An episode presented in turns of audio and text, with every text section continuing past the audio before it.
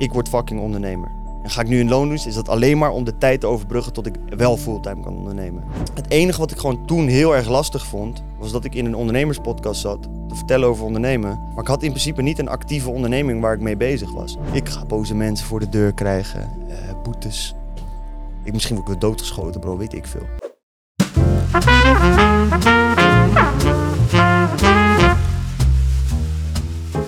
Jaro. Ik keek van de week een beetje door de documenten heen. En ik vond een oud stoffig document met wat informatie wat we nog nooit eerder hebben gedeeld. Uh-oh, Ik weet niet eens of jij het nog weet. waarschijnlijk niet. Het is een document van augustus 2022, waarin jij openbaart hoeveel vermogen jij hebt opgebouwd op je 35ste. Oké, spannend. Waar de fuck heb je dit gevonden? Ergens in een drive verstopt.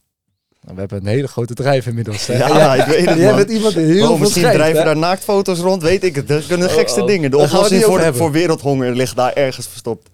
En ik ben benieuwd, wat voor eh, getal heb jij vastgekoppeld aan je vermogen op je 35ste? Nou, ik heb het toevallig net, lag het één seconde hier op tafel. Toen zag ik precies dat stuk. Volgens mij had ik 30 miljoen opgeschreven. Nee. Ah, kut. Verkeerd gelezen. Ik dacht minder groot destijds, jongen. Ah, 10 miljoen. 10 miljoen aan vermogen. had 10 jij miljoen. Ja, ja. Zou ik nog steeds wel voor doen, hoor. Ja, zo, ook wel prima, toch? Wel redelijk. Hey, maar je had eh, bij je ambities opgeschreven, eh, je wilt met, op je 35ste met pensioen, je wilt 17 panden hebben en passief 10.000 euro verdienen uit vastgoed. Een tweede huis in een zonnig land, Spanje of Italië, waarin je zes maanden per jaar verblijft. En daarnaast wil je dus de 10 miljoen vermogen hebben opgebouwd. Dan wil ik één stapje verder gaan. En dat is, toen had je ook een één jaar doel gesteld. Dat was Ja. dus augustus 2022, dus een, iets meer dan een jaar geleden. Uh-oh. Dat was, om een tip te geven, het gesprek met Maurice. Dat we daarna die documenten hebben opgezet. Ja, ja, Dat met hem zijn Scaling up dat hele document. Precies. Ja. En toen zei je ook van, hey, eh, Lotgenoten podcast hebben we opgebouwd met puntje, puntje, 1000 euro winst. Zo, dit is wel ziek hoor. Ik ben heel benieuwd wat jij Hoeveel duizend euro winst in het jaar? En dat is dus van augustus 2022 tot augustus 2023. Het was een jaardoel, 12 Ja, maanden. ja. Dus laten we zeggen 2023. om Ik denk in die tijd 100.000? 360.000 euro winst. Ja, oh, dat is enthousiast. 30.000 euro winst per maand. 30.000 euro winst per maand hebben we een aantal keer behaald. Dus dat is gebeurd. Het is gebeurd, maar niet op een constante basis. 360.000 euro winst in totaal hebben we niet gehad. Nee, nee, nee, nee. Wat grappig dat we dat dan toen opgeschreven hebben, maar in maart van 2023 hebben we in een podcast gezegd dat we 3, 4 ton omzet willen doen. 3 ton omzet en 360.000 euro winst, dat heb ik nog niet vaak voorbij zien komen. Mooi Dat is zo. wel een hele speciale manier Ja. zou dat Ja. geweest zijn. Dus ik heb geen idee hoe ik bij dat getal gekomen ben. Weet ik ook niet. Maar ik denk in deze podcast dat we dieper in kunnen gaan hoe jouw ondernemersjourney is gegaan, waar jouw ambitie vandaan komt. Ja. Eh, dit gaan we samen doen met Daan, Daan Storming van, eh, van Schouders Ronde de podcast. We zijn er weer. We zijn er weer. Ja. De Daan is magische, erbij. factor, de magische factor in succes van de podcast waar wij met z'n tweeën in zitten. Ja. Jij zo voor een, eh, een amplifier hè, Ja. van, Ja. eh, van eh, vijf keer of zo, weet ik veel. Maar dat gaat altijd goed. En het leuke is aan Daan, is dat Daan de vraag stelt waar ik niet meer aan denk, omdat ik jaren al elke dag zie. En omdat Ja. ik moe word van deze jongen. Ik kan Daan met zijn enthousiasme zeggen van, hé, maar hoe zit dat nou precies? Ja, dat is ook wel waar de luisteraars en kijkers dan ook vaak aan denken, maar waar ik misschien niet meer aan denk. Ja. En dat is eh, goud aan jou. Daan. Ja. Echt top. Ik zie, het Wel mooi. ik zie het cadeautje wel verschijnen, jongens. ja, je komt Oh. goed. Nee, Komt gekheid. goed. Nee, gekheid. Nee, Ja. bedankt dat ik hier weer mag zijn. Was een leuk gesprek Leuk, vorige keer, dus eh, Zeker. ik kijk uit naar... eh, Dat was een soort van test voor hard times eigenlijk gewoon, toch? ja, Dat was, ik wist, oh, dat zei ik ook tijdens. Op een gegeven moment gingen we even naar de wc tussendoor. Ik zeg, wordt dit eigenlijk opgenomen? Ik dacht dat het gewoon oefening was, toch? Maar eh, ja, nee, het was. Ja, uiteindelijk heeft hij het lang niet slecht gedaan, nee, die aflevering. nee, dat ging best goed. Dus laten we met die insteek vandaag weer aan de bak Ja, gaan. nice man. Netjes man, netjes. Hey Jaro, we gaan eventjes terug. En we gaan niet terug naar je hele jeugd, maar ik wil teruggaan naar het eerste moment waarin jij, als je nu terugkijkt op je eigen leven, dat je dacht van, hé, hey, daar was Jaro de handelaar. Kon ik daar wel een beetje terug zien komen? Of Jaro de ondernemer? De Ah. eerste moment wat je kan herinneren. Ik heb dus sowieso van mezelf dat ik mezelf echt niet zie als een handelaar. Ik heb scheidhekel aan onderhandelen. Eh, ik vind dat ook kut. Je hebt mensen die dat leuk vinden. Bijvoorbeeld laatst waren we in Marokko. Eh, mijn oma van mijn moeders kant, Die kon uren op de markt rondlopen en over alles onderhandelen, een prijsje. Ik betaal liever drie keer zoveel als ik mag of vanaf ben. Dus handelaar ben ik nooit echt geweest. Eh, Wessel, een goede vriend van ons die hier die voetbalschoenen ook heeft. Hij was ook altijd handelen. Koop een Vespa in voor twee ruggen. Ja. Verkoop hem door voor vier. Jij hebt ook een tijd met Wessel gewoond. Mhm, Die man had altijd deeltjes. mhm. Ik was dat totaal niet. Maar ik had wel... Ik was altijd heel bevlogen over dingen. Dus achteraf, als ik terugdenk, de eerste keer dat ik misschien een beetje met ondernemen bezig was, sowieso het heitje voor, voor karweitje gingen we dan wel doen. Dan wouden we met de hele straat wat kopen met alle kids. En dan gingen bij iedereen auto's wassen en dan gingen we Nerf guns halen of zo. Dus dat een beetje. Maar wat ik vooral, eh, ik was al heel jong heel geïnteresseerd in koken. Jamie Oliver was mijn grote idool. Ik zou echt niet weten waarom een kind dat als idool heeft, maar ik vond hem echt een living legend. En ehm, ik vond koken tof en toen dacht ik, ja, wat ik vet vind is friet, vind ik lekker. En toen had ik bedacht, ik, ik zou niet weten hoe oud ik was, ik denk acht of zo of negen. Van ik ga een frietmachine kopen met mijn ouders en dan ga ik de hele buurt langs bij iedereen bestellingen opnemen en dan ga ik verse friet verkopen en dan ga ik dat daarna allemaal bakken en rondbrengen door de straat. En dat was denk ik mijn eerste ondernemingje dat ik, eh, dat ik gestart heb. Maar dat was helemaal niet met dat ik geld wou verdienen. Ik vond het gewoon tof dat ik dan dat ging bakken en aan mensen ging verkopen of zo. Hmm. Voor het eerst dat dit verhaal hoor. Ja, maar ja. Het komt ook gewoon spontaan eventjes naar boven. hey, leuk man. Leuk man. En dan gaan we wat verder zoomen. Want als we dan kijken naar eh, als jij eh 17, 18 bent, dan weet ik nog in die periode dat ik jou ontmoette, iets beter leerde kennen. Dat een van onze eerste diepe gesprekken ging ook over dat jij met je webshop bezig was. Mhm. Ik denk dat dat een wat meer bewustere keuze was. Dat je zei van, achteraf, nou, dat was ook een soort van onderneming. Ja, man. Ja, bij mij was het heel erg. Ik deed, eh, ik deed zeg maar eerst DL, toen HAVO, toen VWO. Ik was heel erg aan het uitstellen wat ik wil gaan doen met mijn leven. Want ik had echt gewoon werkelijk waar geen idee. Het enige wat ik heel erg had, was dat ik... Ik zei gewoon altijd, ik wil geen 9 tot 5 baan. Waarom? Geen idee waarom ik dat zei. Ik zei dat gewoon, leek me gewoon kut. En later ben ik daarop terug gaan denken. Denk ik, dat zou best kunnen, omdat bijvoorbeeld mijn ouders aan de eettafel het heel vaak hadden over karige collega's. eh, projecten die niet leuk waren, dit, dat. Dus dat ik misschien daardoor zoiets had van, volgens mij hebben zij 9 tot 5. Klinkt niet nice. Dus Mm. dat wil ik in ieder geval niet. Wat ik dan wel wil, geen idee. Nou, en op een gegeven moment op VMBO eh, ging ik om met wat meer jongens uit eh, ja, achterstandswijken, weet ik veel. In ieder geval met hun hadden we het altijd over eh, rappers en over Rolexen en over AMG's. Dus daar kwam op een gegeven moment een beetje dat materialistische werd wel aardig geprikkeld. Dus toen dacht ik van nou oké, ik wil dure kleding en dus ik moet ook veel geld gaan verdienen. Dus ik wil niet de 9 tot 5 en ik wil geld verdienen, veel ook. Ja, en toen heb ik op een gegeven moment ging ik eh, nep Gucci tasjes inkopen en doorverkopen. Dus dat soort random dingen ging ik altijd wel een beetje doen. Maar ik had, mijn doorzettingsvermogen was 0.0. Dus dan was op een gegeven moment had ik er geen zin meer in of zo. En dan, dan ging ik weer wat anders doen. En ehm, ik was op een gegeven moment heel erg bevlogen door fitness. Dus had ik eigenlijk het ondernemen of dat geld verdienen had ik een beetje losgelaten. Ook omdat de mensen om me heen een beetje altijd zeiden, weet je wel, van ja, dat leidt niet tot een gelukkig bestaan. Hè? Al die focus op geld is niet nodig. Want ik wilde altijd de nieuwste Nicholson jas en een diamanten oorbel en zo. Ik was echt een zieke. De wandelende vuilniszak noemden ze ja, dat man. Ja, bro. Ik liep in een vuilniszak met een Lacoste tasje, met kruifschoentjes, met een polo petje. Ik was echt een gek. snot, jong. Ja. En ehm, toen was ik ineens helemaal into fitness. Dus ik had dat helemaal gevonden. Dus ik ging heel veel eh, trainen vanaf mijn vijftiende. Echt vijf, zes keer in de week. En ik had helemaal die gym life gevonden. Dus dat was even helemaal mijn pad. En op een gegeven moment keek ik daar heel veel naar. eh, wat nu bekend is, hè, van die eh, fitnessvloggers.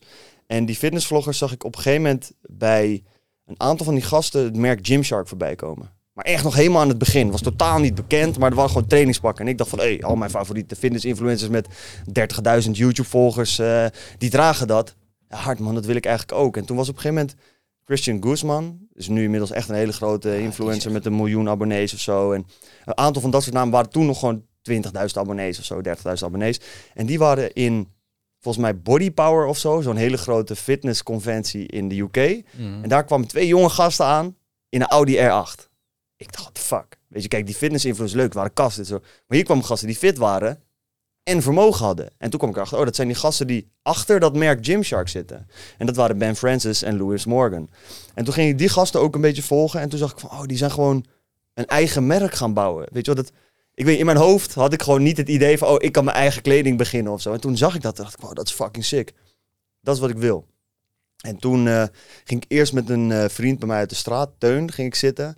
Want toen hadden we, wouden we een soort van fitness lifestyle brand maken. Uiteindelijk zijn daar trouwens, dat was niet eens een heel slecht idee. Wij hadden zoiets van, ja, eh, je hebt nu heel veel sportkleding, maar het is echt puur sportkleding. En wij wouden eigenlijk, ja, ik heb mijn sportkleding vaak ook nog voor of na het trainen gewoon nog aan. Dus wat nou als we iets kunnen maken wat wat meer lifestyle fitnesskleding is, wat een beetje tussen beide zit. Ehm, nou ja, daar hadden we het toen een beetje over, maar hij was druk met andere dingen, school, et cetera. Dus het kwam niet echt van de grond. En toen op een gegeven moment had ik in mijn eentje iets van, weet je wat, ik ga door. Toen had ik toch gekozen om dat fitness, ik, had ik toch laten gaan. Dat was toch, eh, ik weet niet waarom, volgens mij dacht ik toen al. Bro, dit was nog voordat de Joel Beukers en al die mensen zo diep in de fitnessmarkt zitten. Dus Mhm. waarom? Maar dacht ik, ja, die fitnessmarkt is ook wel best wel, eh, toch wel vol. Hè? Eh, ik ga wat anders bedenken. Toen al, besef, hé. Ja, fucking dom. Ja. Toen was Gymshark echt nog gewoon... zeg maar, Het was niet eens in Nederland direct te halen, zeg maar. Moest je nog in ponden betalen en zo. Hoe komt die gedachte? Angst, man. Ik dacht heel veel in schaarste. Dat ik het niet kon, dat het onmogelijk was. Dus, en dat, en ik wil altijd uniek zijn. Dus enerzijds dacht ik al van, oh, ik zag beren op de weg van, ja, dat is denk ik al vol, bla, bla. En eh, het is wel echt hard als ik iets unieks kan bedenken. Nou, dat was fucking dom, want ik had nergens verstand van. Dus dan ga je iets unieks bedenken. Maar het is uniek omdat niemand het wil. Iedereen kan unieke dingen bedenken, maar dat is meestal omdat er geen mensen is die het wil hebben. En, en merk je dat mensen om je heen ook altijd die, diezelfde gedachtegang hebben? Op het moment dat ze op ideeën komen en zo? Kritisch. Gewoon ja, dat ze zeggen van... Ja, het wordt al door één persoon gedaan, dus het kan niet meer. Het is verzadigd. Of dat je zegt van, oh, het moet echt uniek zijn. Het moet helemaal, echt helemaal iets nieuws zijn. Of is het gewoon iets wat je bij jezelf altijd hebt opgemerkt? Maar niet per se bij anderen. Ehm, ja, wat mijn, wat mijn, denk ik, mijn ding zelf een beetje was, is dat ik heel vaak vroeg dingen zag uit het buitenland of van influencers. Ik zat veel op YouTube en dat vond ik dan vet. Mhm. En dat ging ik dan doen. En dus in die mate had ik wel zoiets van, oh, ik wil wat unieks doen. Maar ik had wel door, ik kan niet helemaal zelf bedenken. Ik vond mezelf niet een trendsetter of zo. Dus je had bijvoorbeeld op een gegeven moment toch die, eh, die petten. Het, in het begin van de middelbare school, jaar 1, had je die, eh, ja, die New York Yankees petten en zo. Ik ben even kwijt, dat is zo'n overkoepelend merk. Is dat, is- Nee, geen snapbacks, maar zo'n overkoepelend merk dat zo'n naam heeft. Die had ook zo'n dichte achterkant. Ja. En dan moest je de stickers op laten zitten op die cap en zo. ja, Dus dat als je weet ik wel. was ik, je weet, ik denk dat iedereen weet wat... Juist. eh, ja, ik denk dat Daan die ook wel op heeft gehad.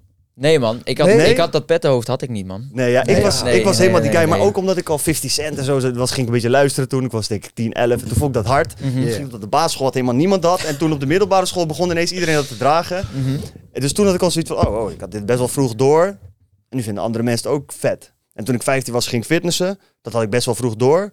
En toen vonden andere mensen dat daarna werd dat helemaal een hype. Dus toen ergens dacht ik wel van, goh, ergens vanuit interesse zie ik denk ik heel snel dingen die dan ergens anders een hype worden. Die vind ik dan zelf gewoon al vet. En dat gaat dan later over naar Nederland. Dus daarin had ik wel het beeld van, wat er nu nog niet in Nederland is, kan ik misschien als ik daar vroeg genoeg bij ben, kan ik dan een beetje meegaan op die hype of zo.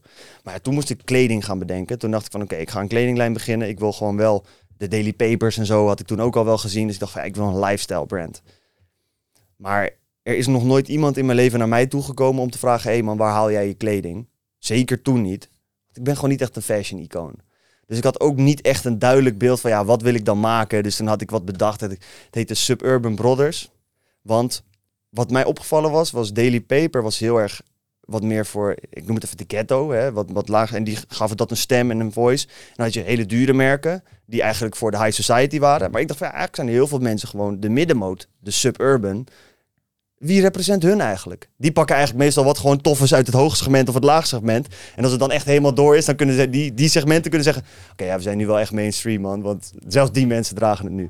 Dus ik dacht, nee man, ik ga waar ik vandaan kom representen of zo. Ja, vaag idee, maar dat was dan mijn niche. En dat noemde ik Suburban Brothers, omdat ik ook wel wou verbinden daarin. En dat ging ik dan nog opdelen in twee dingen, Suburban Brothers en Suburban Sisters. Dan had je twee dingen. En wat was het unieke van mijn shirt? Was dat als je het shirt omdraaide zo, iedereen die toen ze mouwen omvouwen, weet je dat nog? Mhm, Dat mhm. iedereen dat ging doen. Op een gegeven moment ging je broekspijp omvouwen, Ja, alles werd ja, ja. omgevouwen. Ik weet niet waarom, maar dat was in. En toen dacht ik, hou je vast jongens, hier komt een innovatief idee. Wat nou als je hem naar beneden kan dragen, maar als je hem opvouwt, twee slagen om, dan staat er wat. Gruwelijk idee. Dat was mijn innovatie. Mhm. Sloeg helemaal nergens op, maar dat had ik dan bedacht. Dus daar stond iets van dare to be different of zo. Of dare to strive, weet ik veel. Iets En een pijltje. Met zo'n pijltje erbij. En ik had dan het logo, want dat had ik toen ook wel. En dat heb ik nu nog steeds wel. Ik vond dat Utrecht niet echt gerepresent werd. Weet je. Amsterdam had echt hun merken. En in Rotterdam heb je dat ook wel met banlieue en dat soort dingen. Maar in, in Utrecht had je dat helemaal niet. Dus ik had ook in het logo zo de, de domtoren terug laten komen. En eh, ik had dat besteld, maar ik had het in Nederland laten drukken bij iemand. Dus ik had, ik kwaliteit van mijn shirts was niet je van het, want daar had ik nul verstand van. Dus ik had maar gewoon wat blanks besteld voor de hoogste prijs die je kon hebben. Nou, laten drukken in Nederland voor de hoogste prijs die je kon hebben. Dus mijn marges waren al helemaal kut. Had ik zelf een beetje een website in elkaar gezet. Nou ja, dat kon er dan nog wel mee door. En dan met een vriend van mijn vader die wel wist wat fotografie was, een aantal foto's laten schieten. En eh, toen ging ik daarna een aantal maanden naar eh, Indonesië en daarna moest het dan echt gaan beginnen. En ik was daar een jaar mee bezig geweest in mijn tussenjaar. En het moment dat ik moest gaan beginnen, had ik geen zin meer in. Toen zag ik ineens, dacht ik van ja, het wordt geen succes. Werd onzeker. School ging weer beginnen. En eh, ik had ook geen betaalprovider op mijn website. Dus ik had wat shirtjes verkocht aan vrienden, aan Koen, eh, wat vrienden van Koen, vrienden nog. van mij. Maar verjaardag had je nog een eerste lading met shirts. Had ik mee en Had zo. je Ik was- mee, beetje verkopen en ja, zo. ja, ik was helemaal enthousiast. En, en die boys supporten dat ook, dus dat was super tof. En eh, ja, ik weet niet man, ik had gewoon geen provider op mijn Jimdo website, wat ik toen nog had. Pro Jimdo, ik weet niet eens of dat nog bestaat. En eh, ja, het was heel gek. Ik was dus heel erg bezig met het creatieve en de, de visie en wat ik allemaal tof vond. Maar het moment dat er echt geld verdiend moest gaan worden, eh, zaken gedaan moesten worden, liet ik het afweten. Zou dat dan ook weer terugkomen op het stukje onderhandelen? Waar je vroeger, waar je, waarvan je zegt, ja, weet je, als we dan naar Marokko gaan en eh, dat soort shit, ik wil er gewoon vanaf zijn. Dat je daar stukje angst in hebt van, ik vind dat niet leuk om te doen. Ik, ik heb het hele proces wat ik leuk vond, heb ik gedaan. En nu moet er daadwerkelijk brood op de plank komen. Moet ik gaan onderhandelen? Moet ik dingen gaan verzinnen om geld te gaan verdienen? Is dat dan weer dat stukje dat je daar niet mee... eh, dat je dat gewoon kut vindt om te doen? Of kut vond om te doen op dat moment? Dat je er daardoor afgehaakt bent, denk je? Ja, ik denk gewoon heel erg de, de confrontatie met of het daadwerkelijk goed is. Mhm. Want als jij creatief dingen bedenkt en je laat die shirtjes zien en de foto's ziet, zegt hij, oh ja, vet, vet, vet. En dan bouw je een soort van bankrekening van complimenten op, Mhm. waar je geen kloot aan hebt. Maar mentaal zit je wel van, ja man, ik ben die ondernemer guy op feestjes met hem. Ja man, kledingmerk, bla bla. Terwijl uiteindelijk, wat nu heel belangrijk is, als ik nu een business opzet, is het eerste wat ik ga doen is mensen bellen, vragen, yo, gaan we hier euro's voor krijgen, ja of nee? Mhm. Want dat is de harde fucking vraag die binnen vijf minuten je idee sloopt. Ja, en dat vond ik eng, wou ik niet horen, was ik nog niet klaar voor. Ben ik ook niet echt in begeleid, want ook in die tijd, dat was 2016 of zo, of 2017. Dus Mhm. heel die ondernemershype, zoals dat nu in Nederland is, was er ook nog niet. Nee. In mijn vier jaar ondernemen ben ik ruim 20 kilo aangekomen. Op mijn zwaarst woog ik meer dan 100 kilo. Nou, inmiddels ben ik gelukkig 20 kilo weer kwijt. Eh, ik voel me scherper, ik voel me fitter. Eet jij nou door alle drukte in je onderneming ook te vaak ongezond? Geloof me, dit heeft negatieve impact op je lichaam en je bedrijf. Dus kap met die zooi, het kan veel beter met de kant-en-klare maaltijden van Fuel Your Body. Ze zijn snel, lekker, gezond. Bestel je vandaag, dan zijn ze morgen al in huis. Jullie zijn natuurlijk ook lotgenoten begonnen gewoon omdat het hobbymatig was. Hebben jullie wel meerdere malen verteld. En op een gegeven moment merken jullie van ja, misschien zit hier juist wel, wel brood in. Mhm. Om dat ook eh, op fulltime te gaan doen. Vond je dat ook moeilijk tijdens deze, met dit bedrijf, om die stap te gaan maken om hier euro's uit te gaan halen? 100 procent. Ja? Ja, man, nog steeds. Ehm, ik weet niet, man. Dat is heel gek. Toch de, de. Ook dat is dan nu weer meer de enerzijds ding dat. In Nederland heel erg dat beeld van. Ja, als we veel geld gaan verdienen. Vinden mensen dat dan wel goed? Of zo. Vindt de doelgroep dat nog wel dat je die tof? gunfactor een beetje kwijtraakt misschien. Ja, zoiets of zo. Ja. Terwijl dat eigenlijk moet dat er niet toe doen, want, want het is ondernemen. En, Mhm. maar toch, dat zijn dan dingen. Ja, en dan komen inderdaad weer die onzekerheden Mhm. naar boven, man. Dat is, dat is ook de grootste les is, die ik nu gehad heb. Is gewoon, fuck it. Ga gewoon actie ondernemen. En al stort heel die podcast in elkaar door iets wat je wel probeert met goede intenties en vanuit een hier wil ik gewoon in groeien, Mhm. Dan is dat prima. Is dat dan, is dat dan leeftijd wat dat verschil maakt? Is dat het- natuurlijk ook een stukje ervaring in die afgelopen jaren die je hebt opgebouwd. Maar wat maakt die switch om hier wel dan eh, gewoon definitief oogkleppen om op te zetten en gewoon gaan? Ten opzichte van die angst die dan gaat overheersen. Ja, heel veel dingen. Eh, je spreekt heel veel ondernemers. Ja, En ontdekt daardoor wat hun succesfactor is. En dat is Mhm. heel vaak dat tot een bepaalde mate oogkleppen op, gas geven en gewoon proberen en niet bang zijn dat, of wel bang zijn dat het fout gaat, maar door die angst heen Ja. douwen. Eh, dat, dus die, dat besef, weet je, van oké, als iedereen het doet, ben ik wel echt een kneus als ik na 200 gesprekken nog steeds denk, nee, ik ga het anders doen. Daar heb ik inmiddels wel van geleerd. charity. hè? Juist. Ja. Ehm, en aan de andere kant, ja, wat je zegt, gewoon een stukje eh, leeftijd, wijsheid. eh, je maakt dingen mee. En het lukt ook een paar keer. Mhm. Dus je probeert dingen Je van proeft het. Je proeft it. het al, ja. en dan gaat het goed. En het gaat ook fout. Dat is ook heel goed. Want dan zie je, bij, als fout gaat, zie je. Nou, valt dat uiteindelijk wel mee, weet je wel. Mhm. Van het gaat ook weer niet zo fout als je in je hoofd soms denkt. Mhm. En als het goed gaat, zie je, hey, het, het kan daadwerkelijk goed gaan. En ik denk wat ook een fucking belangrijke factor daarin vanuit jullie is, is eh, wat, wat denk ik ook heel veel ondernemers bij jullie gezegd hebben, wat ik ook al meerdere malen gehoord heb. Op een gegeven moment, de waarde die je levert aan de maatschappij, daar word je ook naar betaald. Daar word je naar Ja. uitbetaald. En jullie worden steeds groter en groter en groter. En jullie kernproduct is nog steeds overal gratis te luisteren. En Eens. de dingen die daaromheen komen, dat gaat geld opleveren. En dat komt door de gratis waarde die jullie kunnen bieden. En als je daar gecombineerd geld mee kan pakken, ja, dan voelt dat denk ik ook in dat geval waar het vandaan kwam vanuit vroeger een stuk beter om dat op die manier te doen. Zeker. En nog steeds spannend. Want je hebt nog steeds het idee dat van... Want wij bijvoorbeeld dan het geluk, als je zo wil noemen, dat we gebouwd hebben aan bereik. Mhm. Maar dat betekent ook dat we het niet... Als wij het op een story zetten, zijn er wel gewoon gelijk een paar honderd of een paar duizend mensen die het zien. Dus dan in mijn hoofd heb ik al zoiets van, dan moet het wel direct een bepaalde mate van professionaliteit en waarde hebben. Want Mhm. het, je kunt niet een soft launch doen of zo. Nee. Maar ja, aan de andere kant is dat ook echt teringdikke onzin. Ja, en ik denk ook dat dat inderdaad wat je zegt groeit met de aankomen, met de, met de jaren, met de tijd. Want Ja. misschien als je nu terugkijkt in je archief op Insta-stories van eh, hoe jullie toen een launch deden ten opzichte van nu, denk je ook van ja, wat de fuck hebben we toen waarschijnlijk Klopt. gedaan. En het heeft toen ook gewerkt, hoogstwaarschijnlijk. Ja, we moeten eigenlijk gewoon weer terug naar die fase. Dat is het eigenlijk. Ja. Ik zat ook toevallig, we hebben dan in Marokko een beetje lopen vloggen en doen. Mhm. Ja, vlog, ik, vlog, ik haat de term vlog ook. Gewoon filmen met een camera. Ja. Dom lopen ouwe hoeren in een camera in het buitenland. En Een ehm, zelfgemaakte video. initieel dacht ik ook van ja, kunnen we niet online zetten man. Want we hebben toch wel een bepaalde standaard hoogte houden. Hè, want mensen kijken dan... Aan de andere kant dacht ik ook van ja, of gewoon niet. Of je plakt het gewoon achter elkaar, flikkert het online. En als iedereen zegt, nee man, kut. Prima, doen we het niet. Mhm, En als mensen zeggen, ja, we lachen man. Oké, cool, kunnen we wat meer tijd en moeite erin stoppen. mhm. Vinden mensen nog toffer? Oké man. En dan kun je langzaam... maar In mijn hoofd, ik weet niet waarom, had ik het idee dat we dat... Hoe groter je wordt, hoe minder je op die manier kunt werken. Maar Mhm. nu juist heb die ik... echtheid denk ik dat het juist, dat het Ja, juist man. tof houdt. Ja, en ook... Ja, Ja. het is gewoon chill werken ook. Ik denk dat het dooddoener voor een ondernemer ook gaat zijn dat ze dan een one-hit eh, succes gaan hebben. Daar miljoenen mee kunnen verdienen. Wat je best wel vaak ziet. Mhm. Maar vervolgens dan denken, oh, het volgende idee wat ik ga publiceren aan de wijde wereld, dat moet perfect zijn. Alles moet goed zijn. En moet in één keer een succes. En dat is dus het ding wat we ook hebben gemerkt. Van oké, één, het gaat hoogstwaarschijnlijk geen succes zijn. Want je hebt gewoon eh, hoge hoogtes en diepe dalen. Mhm. Twee is dat wanneer je zoiets gaat doen, ja, dan moet je het gewoon gaan uitproberen. Je moet gewoon meerdere dingen gaan testen. Ja. ja. En het derde, en dat is waar eigenlijk net hadden we ook een podcast met Ari. Toen kwam ik er ook alweer achter. Kijk, jou en ik willen ook heel vaak dingen samen doen. Alleen wat nou als je nog twee mensen erbij betrekt die net zo enthousiast zijn als jij? Wat gebeurt er dan in één keer? Mhm. Want Jaro en ik kennen onze krachten. Mhm. Jaro is heel goed in marketing. Snap je? Jaro is ook heel goed in het overtuigen van mensen om zijn idee over te brengen. De creativiteit. Daar wordt hij ook vaak om eh, eh, beloond. Weet je, zeggen mensen ook heel vaak. Dus dat is goed. Mhm. Alleen dan heeft hij wel andere mensen nodig, inderdaad, voor wat jij bijvoorbeeld zegt.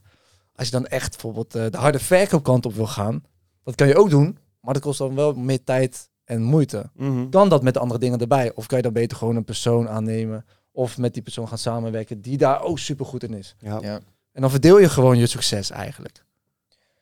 Ja, sowieso. En ik denk ook wat jij zegt, wat, ehm, wat je aangeeft, dat als je op een gegeven moment dat grote succes geproefd hebt, dan zie je ook heel veel dat mensen ineens dingen erbij gaan doen of dingen heel anders gaan doen. Maar dat ene succes is juist een succes omdat het op die manier werkt. En als je dat dan ineens nieuwe dingen erbij gaat doen, ja, je weet helemaal niet of dat werkt. Dus Ja. als je dat succes door wil pakken, moet je juist 10x gaan op hetgene wat al gewerkt heeft. En vanuit daar doorpakken naar het volgende. En ik denk ook, wat, wat Koen net goed aangeeft, is van hoe ga je dat vormgeven in de zin van als jullie door willen groeien. Jaro is heel goed in creativiteit, ideeën overbrengen, maar als puntje bij paaltje moet komen op het gebied van sales, is lastiger en kost hem veel moeite. Ja, wat als je daar iemand neerzet die je misschien een vast salaris geeft, maar daardoor wel drie keer de omzet kan verdubbelen. Mhm. Ja, daar moet je gewoon kritisch naar kijken om voor jezelf daarin de juiste keuze te maken van wat zijn echt onze krachten samen en wie willen we daar eventueel aan toevoegen om misschien die omzet te gaan verdubbelen en dat Ja. wij ook in onze kracht blijven staan. Waar ik heel benieuwd naar ben is ook hoe jij daarnaar kijkt, is het Mhm. stukje focus. Hè? Want wat je aanhaalt is 100% terecht. Wij hebben begin dit jaar gezegd focus. Mhm. Hebben we ook een aantal maanden even wat minder gedaan. Maar Mhm. de laatste zes maanden hebben we fully focus op wat er nu staat. Goede content, goede partners voor advertising, goede affiliate partners. En daarmee zijn we gigantisch hard gegroeid. Ehm, daar hebben we nu systemen voor gebouwd ook. Nemen we mensen bij aan, zodat het meer op zichzelf kan draaien. We zitten nu zeg maar op 80%. Dan willen we qua wat erin zit, qua omzet naar 100%. Dat kan volgend jaar wellicht verdubbelen. Mhm. Maar wij hebben het doel om elk jaar keer 10 te gaan. Mhm. Ja, daardoor hebben wij wel. We kunnen of nog een heel jaar focussen op alles wat we nu doen en dat weer Mhm. een jaar doen. Mhm. Maar daarmee kunnen we. Er zijn maar zoveel kijkers in Nederland. Er is maar zoveel daarom te doen. Dus dat is bij ons wel nu weer interessant. Van moeten wij onze focus verleggen om nog groter te kunnen groeien? Kijk, uiteindelijk, jullie is letterlijk gewoon volgend jaar wil je gewoon keer 10 ook in omzet, in cijfers en dat soort zaken. Ja, kijk, ik zou dan gewoon goed kijken naar, is dat echt voor ons long-term sustainable om dat te gaan realiseren? Als Ja. we dat volgend jaar doen, staan we dat jaar daarna ook nog steeds met, eh, met een goed gevoel en weten we dat we dat ook weer long-term sustainable Ja. kunnen houden. Wat als je volgend jaar keer twee gaat en de processen doen, daardoor... Ja, precies. Weet je, als je gewoon keer, keer twee kan gaan en je processen goed kan neerzetten. En het jaar erop ook weer keer twee. En het jaar erop Ja. ook. En dan misschien keer vier. Maar je hebt wel alles geautomatiseerd goed staan. En je hebt meer rust. Waardoor je op lange termijn eh, grotere successen gaat boeken. Ja, ik denk dat dat een afweging is die je moet, moet gaan maken. Van ja, keer tien is leuk. Maar houdt dat ook long-term eh, sustainability Ja. bij, bij de lotgenoten. Mm. Daar gaan we 18, 19, 20 december eh, diep over nadenken. Ja. Is het überhaupt nodig? Ja. Inderdaad. Of wordt dit een jaar waarin we gaan ontdekken? Alles stabiliseren. Stabiliseren en... nu zeggen we alleen maar keer 10 klinkt goed voor de marketing. Dat werkt beter in de reels. Nu, nuance werkt niet. Hè? En dan wordt het, wordt het werkt niet. eerste, podcast, eerste podcast in januari. Ja, nee, het is gewoon keer twee. Maar. en dit is trouwens een podcast, deze podcast komt in januari ook uit. Hè? Oh, eh in dus dat dit jaar. Ja. dit jaar. Want we zijn net deden volgend jaar, maar het niet 2025. We hebben het over 2024. Heb je nou het gevoel dat je bedrijf goede winst maakt, maar blijft er aan het eind van de maand weinig of niks over, dan ben je niet de enige. We hebben inmiddels tientallen, misschien wel honderden ondernemers gesproken in de podcast en daarbuiten, die ooit met hetzelfde probleem liepen. Je bedrijf begint te groeien, je eerste omzet vliegt binnen, maar het lijkt alsof er aan het eind van de maand niks overblijft. Nou, daarom is het belangrijk om inzicht te hebben in de financiële situatie van je bedrijf. Winst en verlies is vaak nog wel enigszins makkelijk uit te vogelen, maar cashflow, daar ontstaat meestal toch wel verwarring. En daarom hebben wij samen met Kelt een cashflow sheet gemaakt die jij gratis kunt downloaden in de beschrijving. Zo weet je altijd hoe je cashflow is en loop je geen onnodig risico. En kom je er dan achter dat je cashflow problemen hebt of gewoon meer cash nodig hebt om te investeren in je bedrijf, dan is Kelt de partner die je zoekt voor bedrijfsleningen. Doe een aanvraag binnen een minuut, krijg binnen een uur antwoord en ontvang binnen 24 uur je geld. Geen verborgen kosten, lange looptijden of andere onzin, gewoon eerlijke leningen voor hardwerkende ondernemers. En doe je vandaag een aanvraag via de link in onze beschrijving, dan betaal je de eerste maand geen rente en geen aflossing. Jij gaf inderdaad aan, een stukje sales, dat is lastig. Mhm. Jij bent met Suburban Brothers bezig. Je bent aan het verkopen, school begint weer, zomervakantie is afgelopen, druk loopt hoog op. Nee, je ik had een denkt, tussenjaar. je had een Dat was tussenjaar. dus ik was echt lang pleit. En daarna ging ik naar het HBO. en daarna ging je naar HBO. Je gaat naar het HBO. Gaat kiezen voor een bepaalde opleiding. Ja. Neem ons daar eens in mee van oké, je gaat een opleiding beginnen. Daarnaast heb je ook geproefd. Oh, zo is het ondernemen. Ja, ik weet niet of ik mezelf ooit echt als ondernemer heb gezien, man. Het was meer gewoon een projectje of zo. Want daarnaast werkte ik ook gewoon nog in de sportschool. Ik weet niet, man. Ik had daar zelf, als ik er meer begeleiding in had gehad, had ik denk ik misschien in dat jaar veel meer stappen kunnen zetten. En ook misschien aan het eind van het jaar kunnen zeggen, ja, fuck die HBO, man. Want die vier jaar die ik aan die HBO besteed, als ik daar al was begonnen met ondernemen, met de mensen om me heen die ik nu zou hebben, niet dat dat toen per se mogelijk was, maar in ieder geval een bepaalde mate van mensen, weet je, Mhm. die zelf ondernemen, die je daarin helpen, et cetera. Dan had ik makkelijk kunnen leren in die vier jaar wat ik, eh, wat ik op HBO heb geleerd. Mhm. Daar heb ik uiteindelijk niet heel veel aan gehad. Ehm, maar wat was jouw vraag ook weer precies? Zit het Oké, je, je hebt dus je opleiding, je gaat daaraan beginnen. Ja. Ondertussen heb je nog steeds, zeg maar, je hebt geproefd van het ondernemen. Je Ja. hebt geproefd van, oké, je bent ergens mee bezig, eigen project, dingen verkopen. Maar sub je gaf aan, daarna begon school weer, dus toen ging alles weer op een laag pitje. Ja. Ik ben benieuwd, wanneer kwam het weer opborrelen? Want je bent altijd wel een soort van in je achterhoofd Klopt. mee bezig geweest. Klopt, klopt. Het was ook, mijn studie koos ik ook op een fucking domme manier. Maar ja, uiteindelijk wel eh, enigszins logisch. Mijn moeder zei dat hele tussenjaar al. Jaar, kies een studie. Jaar, kies een studie. Mhm. En ik stelde dat fucking hard uit. Want ik, een soort van ergens in mijn hoofd had ik wel die hoop van... Ja, maar wat nou als het gaat knallen, snap je? Dan, dan hoeven we geen studie te kiezen. Zonder betaalprovider op je website gaat het niet knallen. Maar hey, hè? vertrouwen was er ergens. Hey, belangrijk. En ehm, toen op een gegeven moment, ik denk echt oprecht nog drie maanden de tijd voordat schooljaar weer echt gingen beginnen. Misschien iets langer. En eh, toen zei mijn moeder van ja, luister, zitten. Je gaat een studie kiezen, want wat je nu aan het doen bent slaat nergens op. Oké, cool. Ik eh, open zo'n website met alle studies eh, in Nederland of zo. Die begint bij A. Mijn studie heette Advanced Business Creation. Ik denk dat het de derde in de rij was. Stond iets met ondernemen. Ik denk, klinkt top. Klikken. Gaan met die banaan. Ik weet niet eens of ik überhaupt nog naar een andere studie ben geweest om te kijken. Zo, ik had er ook gewoon geen zin in. Dan kan mij die fucking studie schelen. Ja, klinkt wel leuk, man. Gaan we langs? Ja, ja, ja. Ja, ja, best. Ik had een soort van ook confirmation bias. Ik ging gewoon op zoek naar alles wat mij het idee gaf van... Ja, dit is wel prima. Ja, ja. Oh, een project met een beetje ondernemen ook? Ja, ja, dat zoek ik, man. Let's fucking go. Doe maar. Waar schrijf ik me in? Ja, joh, best. Hier. dus toen eh, ging ik Advanced Business Creation eh, studeren. Wat eigenlijk gewoon meer... Dat werd later Business. Innovation. Dus het is gewoon een innovatiestudie. En daar kwam wel een stuk ondernemerschap bij. Prima opleiding, wel leuk. Nu achteraf, voor de mensen die nu een studie moeten kiezen, zou ik zelf graag gekeken hebben bij Small Retail en Business Management, heet dat volgens mij. Ja. Want daar begin je echt een onderneming in jaar één. En dan ga je in hoeverre je als ondernemer op school wil zitten, ga je wel gewoon echt volgens mij drie of zo, vier jaar echt een onderneming bouwen. Binnen school, maar zover als je kan, is dat wel. Want wat bij mij heel veel was, was dan maak een businessplan. En daar kregen we een cijfer voor. ja, dat had ik ook heel veel, ja. Ja, ga ondernemen, dan is maak een businessplan. Leuk bedacht. Flikker maar bij het prullenbak, want eh, corona is begonnen in maart 2022 en de hele wereld ziet er anders uit toen jij twee weken geleden begon met het schrijven van het plan. En dat vond ik wel jammer met school en dat dat ik uiteindelijk ook wel aangeef bij docenten van het zou heel mooi zijn als je wat meer toch echt die praktijk van leuk dat je zo'n idee uitschrijft, Mm-mm. maar wat er gebeurt met dat idee, het moment dat je de echte wereld instapt, is zo anders. Zoveel kutter. Want je idee klopt niet en het gaat allemaal mis en zo. En dat is zoveel meer leerzaam dan ja, waarmee je die mensen nu wegstuurt na vier jaar. Want ja, ze kunnen eigenlijk gewoon heel goed plannen bedenken waar twee weken later geen kut meer aan is. Dus ja, dat, dat, dat, dat vond ik niet alles. Ja, dat is En- ook het ding, toch? Dat is zeg maar van... eh, dat was ook hetgene, zeg maar, waar jij goed in was.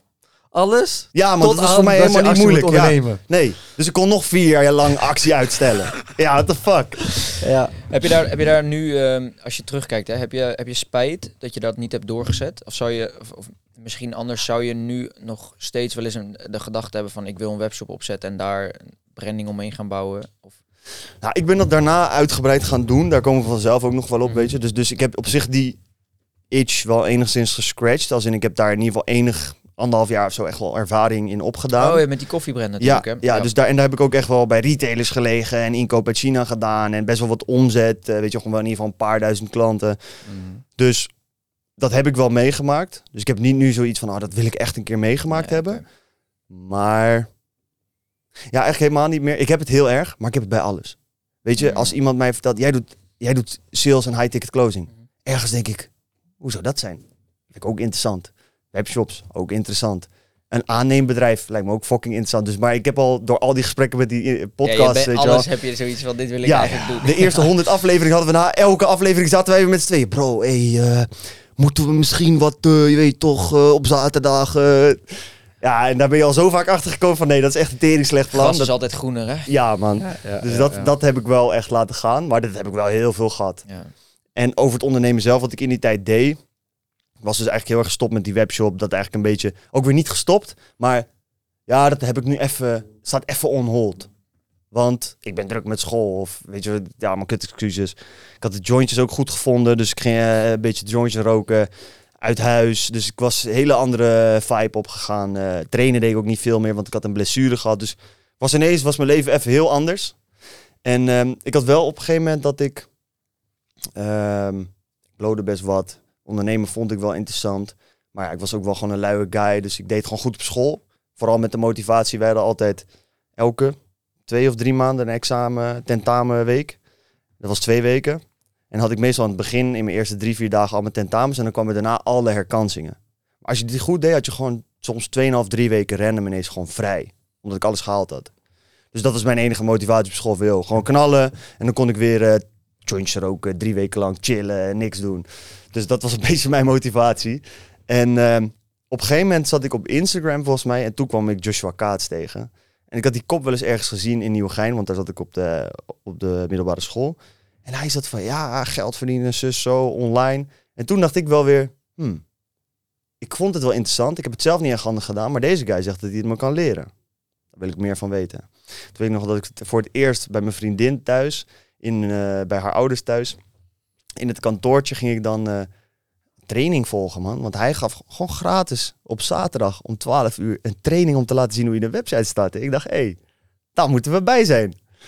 Ik wist natuurlijk niet hoe dat allemaal in elkaar zat. Toen dacht ik van, hé, lekker. is dat Ja. diep in de een grote gunner. Ik ken hem, goede gozer, gratis training. Dus ik dacht, ja man, fuck it, let's go. En toen begon het hele verhaal. Nou, en we weten nu een beetje hoe die eh, funnels eruit zien. Hè? Dus eerste van het uur, 30, 40 minuten over lifestyle en hoe was het allemaal. En nu zat hij in het buitenland. Dus ik dacht, wauw, lijp. En ik heb, dit, ik heb deze guy gewoon wel eens in het echt gezien gehad. Dit is gewoon een guy uit de buurt van, als hij het kan, kan ik het ook. Ja, zieke. Nou, helemaal erin getrokken. En eh, uiteindelijk eh, kwam dan een stukje van, nou, dan moet je dit en dit en doen. Gaan dropshippen. Nou ja, oké, prima. Weet je, webshops, daar had ik al een beetje interesse in. En toen was het volgens mij 397 euro. En ik zat daar. Bro, ik, weet, ik heb lang getwijfeld. Hè. Er ging zo'n timer ook lopen. Ik dacht, dit is fucking veel geld. Heb ik dit geld? Nee, ik heb het niet. Maar spaarrekening, ik kan hier wel wat vandaan halen. Zus en zo. Ja, ik zou het misschien wel kunnen doen. Moet ik dat doen? Twijfelen, bro. Ik heb mijn vriendin gebeld. Tijdens die time, hè, gewoon opnieuw. Gewoon vriendin gebeld. Pa gebeld. Eh, weet ik van wie ik allemaal ging. Van, ja, moet ik het doen? Iedereen van, ah, je komt wel met een raar verhaal weer, eh, pik. Eh, weet je, ja, vorige keer gaf je het ook op. Is het niet weer een bevlieging? Weet je, van, wat is dit nou weer? Waar, waar bel je me nou weer mee? En toen was ik zelf ook een beetje twijfel. Ja, ga ik het doen? En het is wel echt tering voor geld. Want toen, weet ik, ik verdiende 300 euro per maand of zo. Dus het is gewoon anderhalve maandloon. eh, Hoe oud was je? ik denk eh 19 of zo. 19. Het is gewoon normaal om 300 euro per maand te verdienen als 19 jaar. Ik heb geen idee. Ik, ik werkte ook man. niet veel of zo, man. Ik was gewoon veel aan het chillen en aan het Weet ik, maar even weer realistisch. Ik zat te denken van ja, 300 euro. Nee. Ja, Deze- ik had gewoon een bijbaantje gewoon. En ik verdiende wel wat, eh, wat geld en ik had gewoon duo. Oh, duo. En dat zorgt ervoor eh, dat je boven de Ja, duizend maar dat was, uitkomt. juist, dat was gewoon... Dus hey, ik kon nog gewoon spenden. En ehm, ja, en toen uiteindelijk gekozen om het niet te doen, was, was gewoon te veel geld. Ik dacht, ja, nu die keuze. En eh, mijn moeder zei volgens mij toen op een gegeven moment van, ja jongen, dit voelt wel weer echt als een bevlieging. Ehm, als het een goede kans is, komt hij vast nog wel een keer. Echt Denk er, even, echt. denk er even over Oh, na. Ja, nee. Nou, aan de andere kant, hè, ik bedoel, die webinar die stond op auto-replay eh, Mhm. eh, drie keer per week. Dus Ja. de kans ging er nog wel een keer komen. Maar wat ik vooral nog heel goed weet, was dat ik toen op een gegeven moment bij familie was. Ehm, en eh, ik had het met iemand, of ik weet niet waar ik was. Ik was ergens in ieder geval en eh, ik was aan het ouwe hoeren en tegen iemand zei ik toen van, eh, ja, Joshua Kaats. en die kende hem volgens mij ook, want die kwamen ook uit Nieuwegein, die gasten. En, en toen zei één zo'n guy heel stellig gelijk van... nee man, ik, ik ken die guy bro. Is oplichterij, grap. Je moet dat niet doen bro. Is, is, is bullshit man. Is echt onzin. Ik heb genoeg mensen gehoord die het gedaan hebben. En mensen verdienen geen geld met dat. En toen dacht ik van, oh nee, ja oké, nee, dat ga ik niet doen man. Ik ken deze persoon toch. Oh, hij kent blijkbaar mensen. Ja, dan eh, zal het wel niet, eh, zal het wel niet kloppen. Geparkeerd, weer een tijdje niks gedaan. En toen begon het op een gegeven moment, eh, ik denk weer een half jaar of zo later, in december 2017 of zo, zoiets. Of 2019 begon het echt wel te borrelen. En toen dacht ik van, nee man, fuck it, ik moet dit gewoon gaan doen. En toen heb ik die cursus gekocht en toen begon ik mijn... Waarom in één keer fuck it? Ik bleef die dingen zien.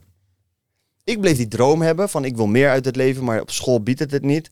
Het begon groter te worden, hè, want dropshippen ging in de lift. Dus je hoorde daar ook steeds meer mensen over. Je ziet toch wel ook wat student results. Want ik bleef natuurlijk wel Joshua en zo in de gaten houden. En op een gegeven moment denk je dan, ging ik ook, weet je, ik was echt een engnek. Ging ik, ehm, Jij bent een enge. ja bro, ik was echt een engnek. Ik ging, ehm, ik was zo'n onzeker ventje gewoon van, of zoekende, of weet ik hoe ik het moet noemen. Maar dan zag ik bijvoorbeeld resultaten in de story van Joshua. En eh, dan zag ik, eh, zag ik iemand zijn naam, ging naar dat account. Een beetje kijken, of wat voor een guy is dit dan? Ja, ziet er niet uit een hele unieke guy of zo. Dan DM'en. Yo man, zieke resultaten bij Joshua man, lekker bezig. Hopen dat hij reageerde. En dan ging iemand een beetje uitvragen toch van... eh, hoe lang doe je het al? En eh, maak je, verdien je echt geld daarmee? Ja, wauw, lijp man. En dus ik ging soort van bewijs voor mezelf creëren van... oké, maar zijn die mensen echt mensen? En is het echt wat? En daar had ik volgens mij gewoon een aantal mensen gesproken... dat ik wel dacht van ja...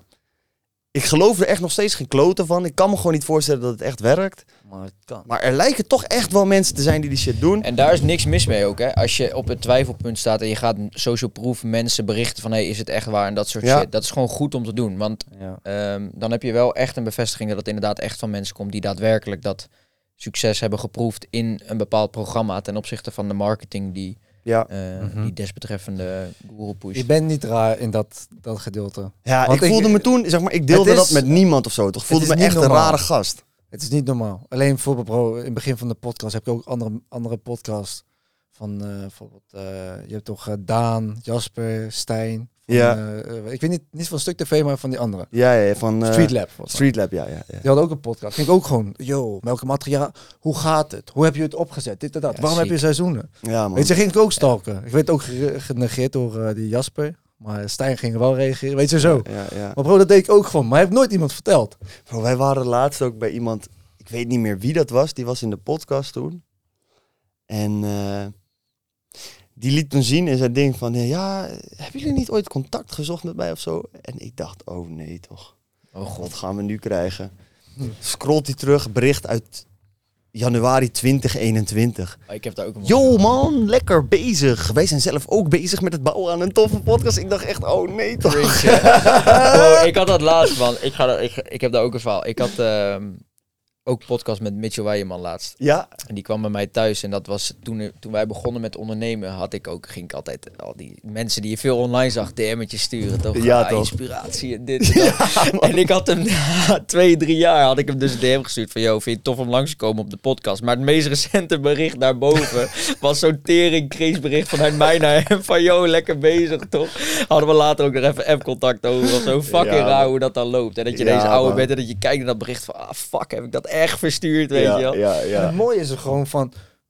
Dat is dus de kracht van social media. Ja. TikTok is moeilijker. Alleen, eh, kijk naar LinkedIn. Dat, dat doen we zeg maar ouderen dan. En dan heb je Instagram, dat is wat meer de jongere versie. Waarin je gewoon... Bro, je kan jouw legend... Ja. Die je misschien Ja man. nooit in het echt gaat zien... Kun je nu een DM sturen. En hij volgt je niet. Maar wie weet, kijkt hij nu gewoon toevallig op zijn telefoon. Vindt echt jouw bericht tof en reageert erop. Ja man. En kan hij net eventjes jouw mindset klein beetje afveranderen. Dat is echt, eh, ja, het is, het is lijp.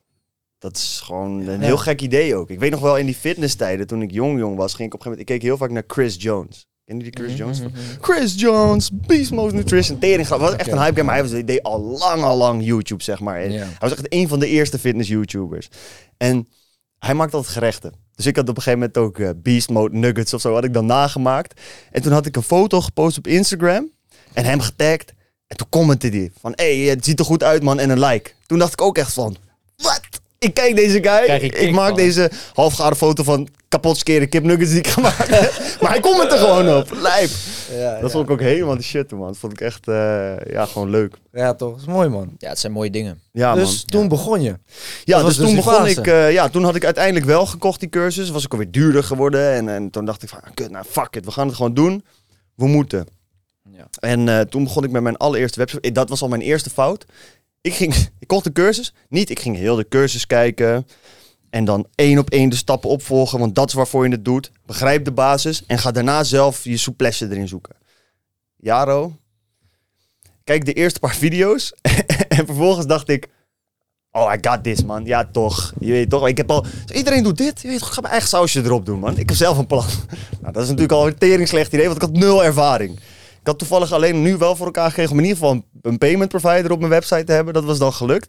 Dat is wel makkelijk. En ik had, eh, ik had al gelijk, in plaats van gewoon veel producten testen met dropship, eh, zien wat werkt, dat een beetje begrijpen, general store. Ik gelijk branded, man. Ik, had een, eh, ik ging helemaal branding ervoor bedenken, naam. Mijn webshop was dan voor, voor nachtrust. Want ik dacht, het is een grote markt. Iedereen heeft nachtrust nodig. Vrouwen geven veel gel- geld uit, hè, dus dan doe ik het daar een beetje op enden. En dan noem ik het nacht en rust. En als je dat in één keer kan het nacht en rust of nacht en rust. Vond ik gruwelijk. Nachtenrust.nl. Let's fucking go. Ik zoeken, zoeken, zoeken. Wat had ik gevonden? Ehm zijde kussenslopen, want dat was beter voor je huid. Want dat trekt je make-up niet op zo. Vond geniaal product. En wat slaapmaskers en dingen. Maar in plaats van te gaan testen met gewoon 80 producten en daar te zien wat werkte gewoon snel met ads, let's go. Had ik een soort van mijn zin helemaal gezet op van, joh man, ik heb deze vijf producten. Dat past goed bij de stijl van de website. Deze moet het gaan worden, man. Dus ging veel te veel geld uitgeven aan ads, totaal niet winstgevend. Ja, dit werkt gewoon voor geen meter. Verder terugkijken, toen waren er nog helemaal geen brands voor die silk kussenslopen. Dus dat was helemaal niet zo'n slecht idee. Dus als ik nou gewoon eerst alles had gedaan en daarna dat weer had opgepakt, had dat prima kunnen werken. Maar ja, toen ook weer geprobeerd, een paar honderd euro uitgeven aan ads. Haal je Ja. niet echt wat je wil. Denk je, ja, kut man. Dan ga je eh, twijfelen. Ga ik twijfelen Ja. weer? Nou ja, shop weer dicht, weer stoppen, weer laten. Nou weer een, een half jaar of, of drie kwart jaar geen kloten mee gedaan. Gewoon ook niets meer met de cursus. Ook niet meer naar de cursus gekeken. Nee man, ik, ik liet die cursus ook helemaal gaan. Nee. En toen, want dat was dan... Dat vond ik dan weer, dat was mijn volgende ding. Ja, dropshippen. Ik ging dan ook naar een meetup voor het eerst. Vond ik helemaal de shit. Toen dacht ik van, nee man, eh dropshippen, dat is het niet. Maar ik heb wat zieks gevonden.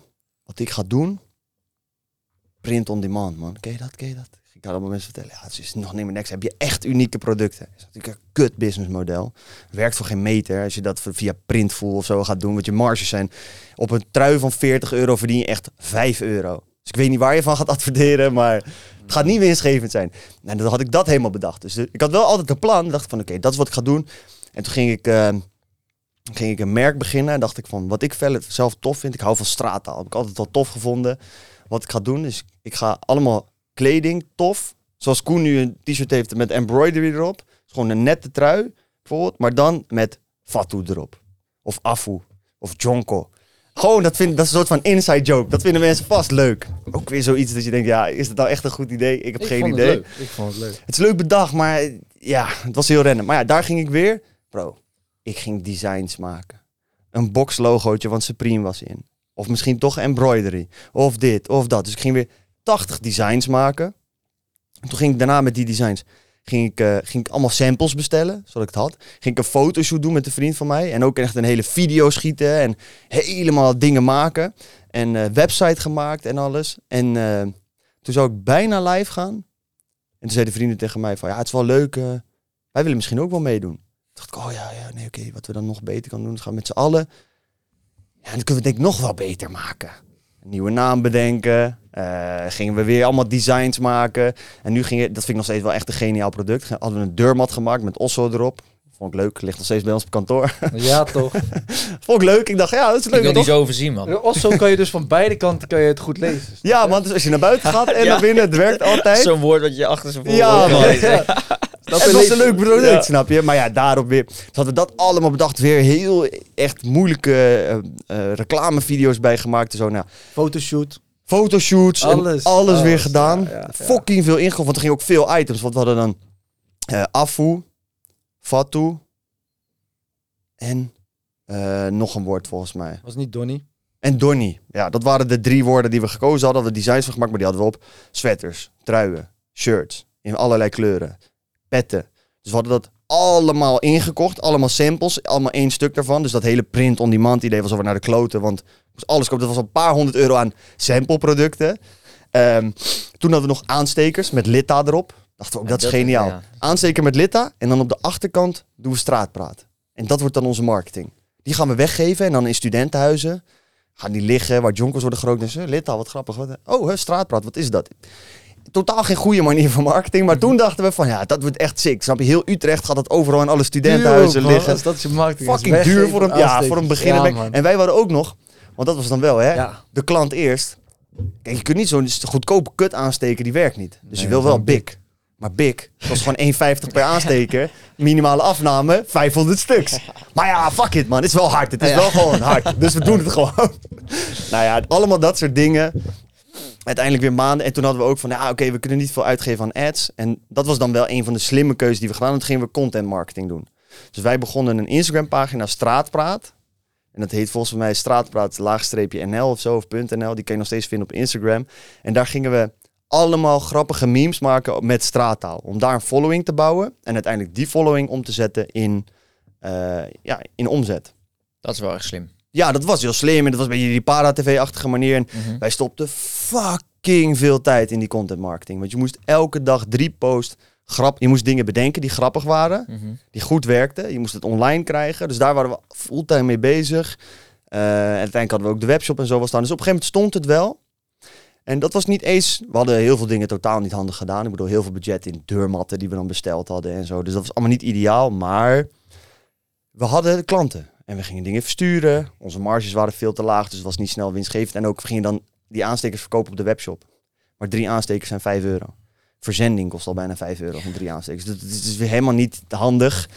Maar het was wel een business die enigszins draaide. Maar ja, toen kwam ik bij een nieuw probleem. Oké, best een leuk idee. Nog niet ideaal, maar daar komen we wel uit. Maar mijn businesspartners, dat matchte gewoon helemaal niet. Want ik zat op het standje van, ja, we gaan met z'n allen multimiljonairs worden. Of ja, niet eens per se multimiljonairs, maar we gaan een fucking groot bedrijf maken. Veel impact. eh, weet je wel, gewoon naast de para-tv's en de rapnieuws Mhm. staan wij. Alleen wij hebben vanaf moment één er al een stof verdienmodel aan. En, en dan gaan we toffe collecties maken. Dat wordt, dat wordt nice. En ehm, dat strookte gewoon niet, man. Voor mijn gevoel was ik daar echt elke dag, dag in dag uit, heel druk aan aan het werk. En voor mijn gevoel werd heel erg naar mij gekeken van... oké, wat zijn de volgende stappen? Ja, wie zet de lijnen uit? Ja, dus ik stopte er voor mijn gevoel meer tijd in. Meer energie. Ik bedacht heel veel. Ik, weet je wel, ik, ik, was, ik was heel erg die kar aan het trekken. En op een gegeven moment begon dat bij mij te wrijven. Dat ik dacht van, nee man. En anderen gingen dan ook, eh, weet je, zwaardere studies een master doen. Dus de, de, de focus verplaatste. En uiteindelijk liep het daarop stuk dat ik zei van, ja, dit, dit werkt voor mij niet. Weet je, ik heb hier geen zin in. Want eh, ja, ik heb toen nog een voorstel gedaan van, hey, als we gewoon 10, 10, 80 doen. Dus ik pak 80% van het aandeel. Jullie 10, 10. Dan wil ik echt wel meer op me pakken, maar dan is het ook mijn business, weet je. Dan kan ik gewoon ook vlammen en dan heb ik daar ook, pluk ik daar de vruchten van. Eh, daar hadden zij niet echt veel oren naar. Want ze wouden gewoon eh een derde, een derde, een derde. En daarom heb ik op een gegeven moment, ben ik eigenlijk daarnaast, ben ik toen weer begonnen met dropshippen. Ik dacht, ik heb die cursus nog. Het staat daar en dat was eind 2019 was dat. En eh, toen ging ik weer dropshippen. Weer veel te moeilijk nadenken over eh, een koffiemerk. Toen had ik weer... Mijn basis was, al zeg ik het zelf, altijd best redelijk. Toen had ik weer van, oké, wat is de grootste markt? Ik had in een podcast gehoord, hey, koffie is het nieuwe goud. Een beetje opzoeken. Oh, koffie, een van de meest gedronken dranken ter wereld. In Nederland heel groot. Oké, grote markt. Check. Goed. Oké, kunnen we op Alibaba veel producten vinden rondom koffie? Ja, wel veel unieke dingen, bla bla bla. Nou, en toen had ik het geluk, toen ging ik een, een aantal producten testen. Had ik er weer net als vorige keer vijf neergezet. Dus ik ging weer niet. Ik ging heel niche en niche door over koffie. En ik ging weer vijf producten testen. Die ik ook echt tof vond. Waarvan ik dacht, dat is echt goed spul. En ehm, toen had ik geluk dat er eentje was die winstgevend in een maand 10.000 euro omzet deed. Eh, gewoon van De het eerste maand. Ik ging gewoon allerlei dingen adverteren. En eh, ja, of in de eerste 40 dagen of zo. Er was er gewoon één die deed wel goed. Ging ik pushen.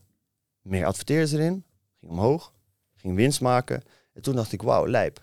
Eh, dit is wel een tof product. Maar ik wil altijd al een brand bouwen. En niet per se dropshippen. Dat trok mij niet. Ik wou echt iets bouwen waar je wat aan had. En ehm, ik weet nog wel, dat ging toen lekker. Ik dacht, oké, dropshippen. Ja, we gaan nog een tijdje door dropshippen. Even goede winsten binnenhalen. En met dat geld gaan we dan branden, producten nog verder verbeteren, et cetera. Maar toen werd mijn eh, favoriete, mijn webshopje, eh Casa Café heette dat. Helemaal zo'n soort van Italiaanse branding erop. Kwam op de bevreesde pagina. Ali, hoe heet die pagina ook weer? Eh, wat is het? Ali, op, Ali oplichters of zo? Ah, nee? Eh kutzooi. Ja, fuck dat man. Oh, Een. Facebookgroep. Ja, man, die Facebookgroep. Facebookgroep. Ja. In ieder geval een grote... Ik ga het opzoeken zo. Ah, kut, mijn telefoon Ja, al? Ja, man, ik wil het ook echt weten bro. Iets van AliExpress versus de rest of zo. Iets... Ali versus de rest. Dat was hem Dat was het man. Ja. Ali versus de rest. En ehm, daar kwam ik op met mijn webshop. Met mijn naam. En ik dacht, want ik ben een angsthaas. Mhm. Ik dacht, nee. Nee, ik ga boze mensen voor de deur krijgen. eh, boetes. Ik, misschien word ik doodgeschoten, bro, weet ik veel. Ik zat letterlijk met trillende handen achter de computer. Ik dacht echt, nee, kut. Want ik was met hele goede intentie. En ik wist wel van de levertijden duurden lang. Maar ik had dan een pre-order erin gezet. Maar daar stond gewoon heel eenvoudig. Dit is Jaro. Dit is zijn webshop. Dit product verkoopt hij. Maar dat is op AliExpress twee keer zo goedkoop. Dus fuck deze guy. En toen ging iedereen ehm, mijn programma, mijn, eh, nep-orders zetten op je webshop. En, en mails naar je sturen. Eh, vieze tyfus oplichten. en eh, op je Ja, Facebookpagina. Facebookpagina's Ja, helemaal bombarderen met oplichten, oplichten. Maar ik was wel nog een slimme guy. Ik was een paniekerige slimme guy. Toen dacht ik, er is een manier waarop ik jullie allemaal de kiem kan smoren, maar wat? Maar uit paniek, hè. Ik dacht, tering, tering, tering, het gaat mis, het gaat mis. Oké, misschien ads moeten denk ik uit, man. Ads moeten uit, want, want eh, anders krijg ik allemaal problemen. Straks koopt iemand en ontdekt hij dat, dat ik eh, een oplichter ben. En, wordt helemaal paniekerig. En, maar toen had ik wel, toen heb ik denk ik vier uur lang, had ik bedacht, oké, wat kan ik doen? Op mijn Facebookpagina kan ik mensen blokkeren op basis van naam van hun profiel. Dat kan je doen. Dan moet je typen en dan kan diegene jouw Facebook en niks meer van jou zien. Oké, wat ga ik doen? Ik pak de lijst met alle actiefste leden van Ali versus de rest, want dat kon je zien op Facebook. Die zet ik rechts. Links pak ik mijn eigen Facebookpagina en ik ga namen vlammen tot zijn moeders dood, dat ik mensen voor ben. Zodat ik voor was, dat mensen niet om me helemaal kapot konden bombarderen, zodat ik iedereen al geblokkeerd had voordat het... Dus ik ga aan, jongen. pap, al die namen intikken. Iedereen blokkeren, blokkeren, blokkeren. Mij pakken ze niet. En eh, toen ging ik op een gegeven moment ook kijken in die comments. Mensen ook, eh, wow, huh? ik had nog niet eens gekeken. Ik ben al geblokkeerd. Hoe kan dit? Bla, bla. Ja, zit vast een bot op of zo. Bro, ik zat te typen. Ik zat te typen. maar eind van de dag, ik zat daar. En het ging allemaal een beetje, na een paar uur, weet je wel, stopt dat dan. En dan komen er weer zes nieuwe mensen die geëxposed zijn. Dus daar gaat alle heat dan naartoe. En eh, dat ging een Wat beetje een neer. Ja, niet normaal. Wat een bezigheid. Raar, ja, ja. Oh, dat was echt... eh, En sommige van de mensen die daar exposed waren, deden ook echt schandalige dingen. Gewoon Mhm. die niet sturen en zo. Maar ik zat daar met goede intenties. Van ja, ik dropship het. En ik geef duidelijk aan dat het wat langere levertijden heeft. Ik probeer een goed product te leveren. Ja, weet je, daar kunnen de meningen altijd over verschil blijven. Maar Mhm. ik probeerde dat goed te doen. Maar ik dacht daardoor wel aan het eind, ik zat daar helemaal, bro, alsof ik een oorlog gevolgd had. En ik dacht, ja, fuck dit, man. Fuck dit hele dropshippen, man. Krijg de tyfus maar. Dit is toch kut? Ik wil dit nooit meer, man. Weet je wat? Sluit die shop. Pak de winst. Ik had iets van 3, 3.500 euro, 4.000 euro winst gemaakt op die 10k. Ehm, fuck dat. Of ik had denk ik 2, 3.000 euro winst gemaakt en nog mijn startkapitaal weer terugverdiend. En ik dacht, ehm, ik lever gewoon alles af. Stop die webshop. Dan ga ik nu echt... Dit product werkt. Als ik er 10.000 euro van verkopen, kan ik er 10 miljoen euro van verkopen. Dus dat is wat we gaan doen. Nou, toen heb ik weer twee, drie maanden, ik denk vanaf december 2019 tot uiteindelijk juli 2020. Toen ben ik uiteindelijk echt live gegaan met dus mijn eerste echte business, de Good Cup. En daarvoor ging ik ehm, de brand bedenken, de website. En daar had ik echt het idee van, oké, dit wordt echt mijn webshop voor eh, het grote opbouwen en exit. Eh, gewoon echt een serieus bedrijf. En eh, dus toen ging ik een leverancier zoeken. Nou, hoe kan ik het product nog beter maken? Wat kan ik toevoegen? Et cetera. Dus daar gewoon heel erg over na gaan denken. Ja, en toen kwam eigenlijk mijn eerste, wel echt een leuke onderneming dat ik, waar ik ook trots op was. En toen was de podcast ook begonnen. Die 2020 januari, zeg Ja. maar. Ja, Ja. dat deed je daarnaast, toch? Dat eh, combineerde je toen nog destijds, hè? Ja, man. Ja, ja. Dus, toen, eh, dus toen ben eigenlijk begon dat, ja, die hele journey van... Toen stopte ik met dat dropshippen. Hoe dat allemaal gegaan is, weet ik niet precies. Ik ging met mijn pa ging de naam bedenken. Eh, ging wat dingen opgooien. En mijn pa is altijd goed met woorden. Dus kwam op een gegeven moment de Good Cup. Dacht ik, waar, de Good Cup? Het is een, het is een hervulbare koffiecup van roestvrij staal. Beter voor het milieu, beter voor je portemonnee en lekkerdere koffie. Klinkt als een goed bakje. Klinkt als de Good Cup. Dacht, ja, dat is wel leuk. Daar hele branding omheen gaan maken. En dat, eh, dat heel erg van de trenches opgebouwd. Echt, ik wou custom verpakkingen. Maar die waren duur bij hun. Toen zei ik, weet je wat, fuck it, stuur maar gewoon de hele donderse boel los naar me op. Ging ik zelf doosjes bestellen, daar mijn eigen sticker op plakken. Eh, zelf deed ik dan een uitgeprint handleidingje erbij. Eh, leuke schuimpjes erbij, duurzame schuim erbij, zodat alles fully gebrand, maar zelf ingepakt. Fucking een paar honderd producten. Mhm. Dat ik daar de hele dag in ons kantoortje toen, daar dat eerste kantoortje bij, eh, Stadstuinen. bij de Europa, stadstuin aan de Europalaan. plein. Zat ik dat in te pakken. De hele, daar heb ik nog foto's van. Dat zet ik allemaal in te pakken, in te pakken, in te pakken. En toen gingen we live met die webshop ergens rond juli. Eerste maand een beetje zoeken. Mhm. Al mijn content ook zelf schieten. Dus ik ging toen helemaal zo'n set bouwen. Ik had allemaal dingetjes gekocht die bij een koffie. En dan ging ik het zelf het voordoen. En dat waren mijn ads. En dat begon eigenlijk... Dat was eigenlijk wel een hele leuke tijd. Want dat begon best wel snel te werken. En eh, toen deed ik, eh, weet je wel, de eerste maand de 3000 euro omzet. Dat werd 5. Dat werd 8. Dat werd 9. Dat werd 10. En eh, over de maanden ging dat gewoon steeds beter. Dus ik dacht van, oh, dit is top. We maken netjes zo'n 20% winst per maand. Eh, ik deed alles nog zelf. Klantenservice, eh, de marketing, gewoon alles zelf. Maar het begon wel te draaien. Dus dat vond ik leuk. En eh, nou, daarnaast bezig met die podcast, dus daar kon ik daar ook over vertellen. Daarnaast ging ik wel nog mijn geld op een andere manier verdienen. Dus ik heb voor jullie nog een tijdje, toen jullie eh, vol aan het dropshippen waren, heb ik ook nog eh, video's geëdit Ja, en zo. video eh, content deed je toen, Ja, ja. ja, deelde toevallig laatst nog blijkbaar iets van een video van de eerste dat- teammeeting. Dat hij begon in, of dat hij begon in corona, die short. Ja, daar zie je een, schermopname van dat wij met dat oude team in ons uh, kantoor zaten met z'n tweeën. En iedereen die zat in die Zoom-meeting. En wij Ja, man. lachen. Ja man, en dat we daar... eh, ja, daar wa- waren we gewoon toen met van alles bezig. Jullie Ja. waren dat aan het bouwen.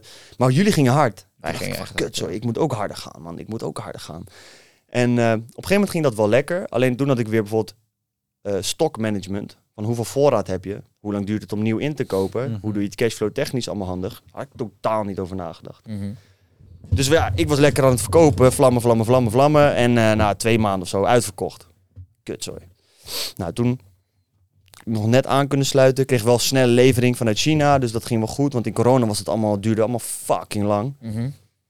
Dus die kreeg ik goed aansluiten. Nou, weer doorschalen, doorschalen met die winsten. Hè, weer meer voorraad kopen. En toen eh, kwam op een gegeven moment het punt. Ik ging ook koffie erbij doen. Want ik dacht van, hé, hey, voor die cups is een hele speciale maling nodig. En een goede upsell. Plus wat meer herhaal aankopen vanuit die koffie. Hè, want die cup die is echt ja, duurzaam. Dus die koop je één keer, heb je nooit meer nodig. Superleuk, maar echt een kut model. Want dan eh, komt iemand nooit meer terug. Terwijl je wel 20 euro uitgeeft om die klant bij wijze van spreken te winnen als het niet meer is. Dus nou koffie, erbij, eh, dus dat allemaal gaan doen. Daar nog een heel ding met in Nederland de branden zoeken, et cetera, et cetera. Dus dat eh, was ook heel leuk om te doen. Alles stond. December 2020 kwam. En eh, het was echt tijd om te gaan vlammen. Weet je, Q4, dat is het moment. En ik ging, ik ging eh, 15k in november, 20 of 25k in eh, eh, november. En eh, wat zeg ik nou? Oktober was het 15k. November iets van 20 of 25k. En dan in eh, december denk ik 29 of ergens tussen 29 en 35.000 euro omzet. Met gewoon netjes zo'n 20 tot 30 procent winst. Dus ik verdiende gewoon ineens 5.000, 6.000 euro winst in de maand. En ik dacht echt van wauw, ziek. Weet je, ik ben, oké, eind van het jaar. We hebben nu de creatives, die weten we wat werkt. Ik had een fotograaf aangenomen die daar veel meer steady die creatives heel mooi kon doen. Eh mijn mailmarketing was ik een beetje mee bezig. Ik had mijn klantenservice eindelijk een beetje uitbesteed. Dus dat was al, stond al een beetje. Ik dacht van Mhm. oké, gaan we goede voorraad inkopen. En dan gaan we vanaf het start van 20, 2021 gaan we gewoon vlammen. En dan zou ook mijn studie klaar zijn. Dus dan kon ik ook niet meer uh, stufie trekken en zo. En dan moest ik ook op mijn eigen benen staan. Maar daar was ik trots op. Ik had altijd gezegd nooit de 9 tot 5, toch? Dus in één keer door. Fuck it, yes, let's go. En eh, januari komt om de, hoek. En eh, in december had ik eigenlijk alles uitverkocht. Liep niet helemaal lekker. Toen had ik nog wel een pre-sale lopen. Omdat ik dacht van, nou, vorige keer kreeg ik binnen twee weken de producten. Dus dan doe ik een pre-sale van twee weken. Die was heel snel uitverkocht. Toen had ik eigenlijk weer een volgende pre-sale voor wat langere datum. En toen kwam er ineens het probleem dat ze allebei teringziek vertraagd waren.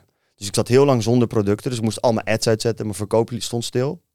Ik kreeg fucking veel best, best wel boze mensen in de mail van ja, het duurt fucking lang, weet je wel. Je had uiterlijk gezegd, ik probeerde continu, die communicatie wel te doen, maar heel veel negativiteit, dus daar ging ik heel slecht op. Ehm, al die omzet viel weg, want je kon niks meer. Nou, uiteindelijk heb ik dat allemaal kunnen afhandelen. Veel nieuwe voorraad, want ik had vanuit mijn winsten van december alles in voorraad gestopt. Ik had toen volgens mij voor 10.000 euro voorraad gekocht. En dat was voor toen, dacht ik echt van wow, 10 of 12.000 euro is fucking veel geld. Wat ik overmaak naar een onbekend Chinees bedrijf om mij weer producten te sturen. Maar dan hebben we voor Mhm. twee ton omzet hebben we, weet ik veel, of, of weet ik, ik denk trouwens lange na geen twee ton. Misschien voor een ton omzet liggen of zo, als dat dat het al was. En ehm, alle ads uit, veel gezeik, allemaal opgelost, maakt niet uit, weet je, we hebben het. Ik had nieuwe ad creators laten maken, we zaten te vlammen. We gaan live. En er gebeurt niks. Geen sales. Mijn ROAS kut. CTR kut. Alles ging kut. Dus ik denk, oh, oké. hm. Oké, nieuwe video's maken, website optimaliseren, weet je wel. Nou, weet je, het heeft altijd gewerkt. Waarom de fuck zou het nu ineens niet werken? Dus eh, optimaliseren, optimaliseren. Weer geld in ads, geld in ads. Niks. Nou, ik blijf wel verkopen. Maar ja, die maanden gingen van, hé, hey, je doet 10k.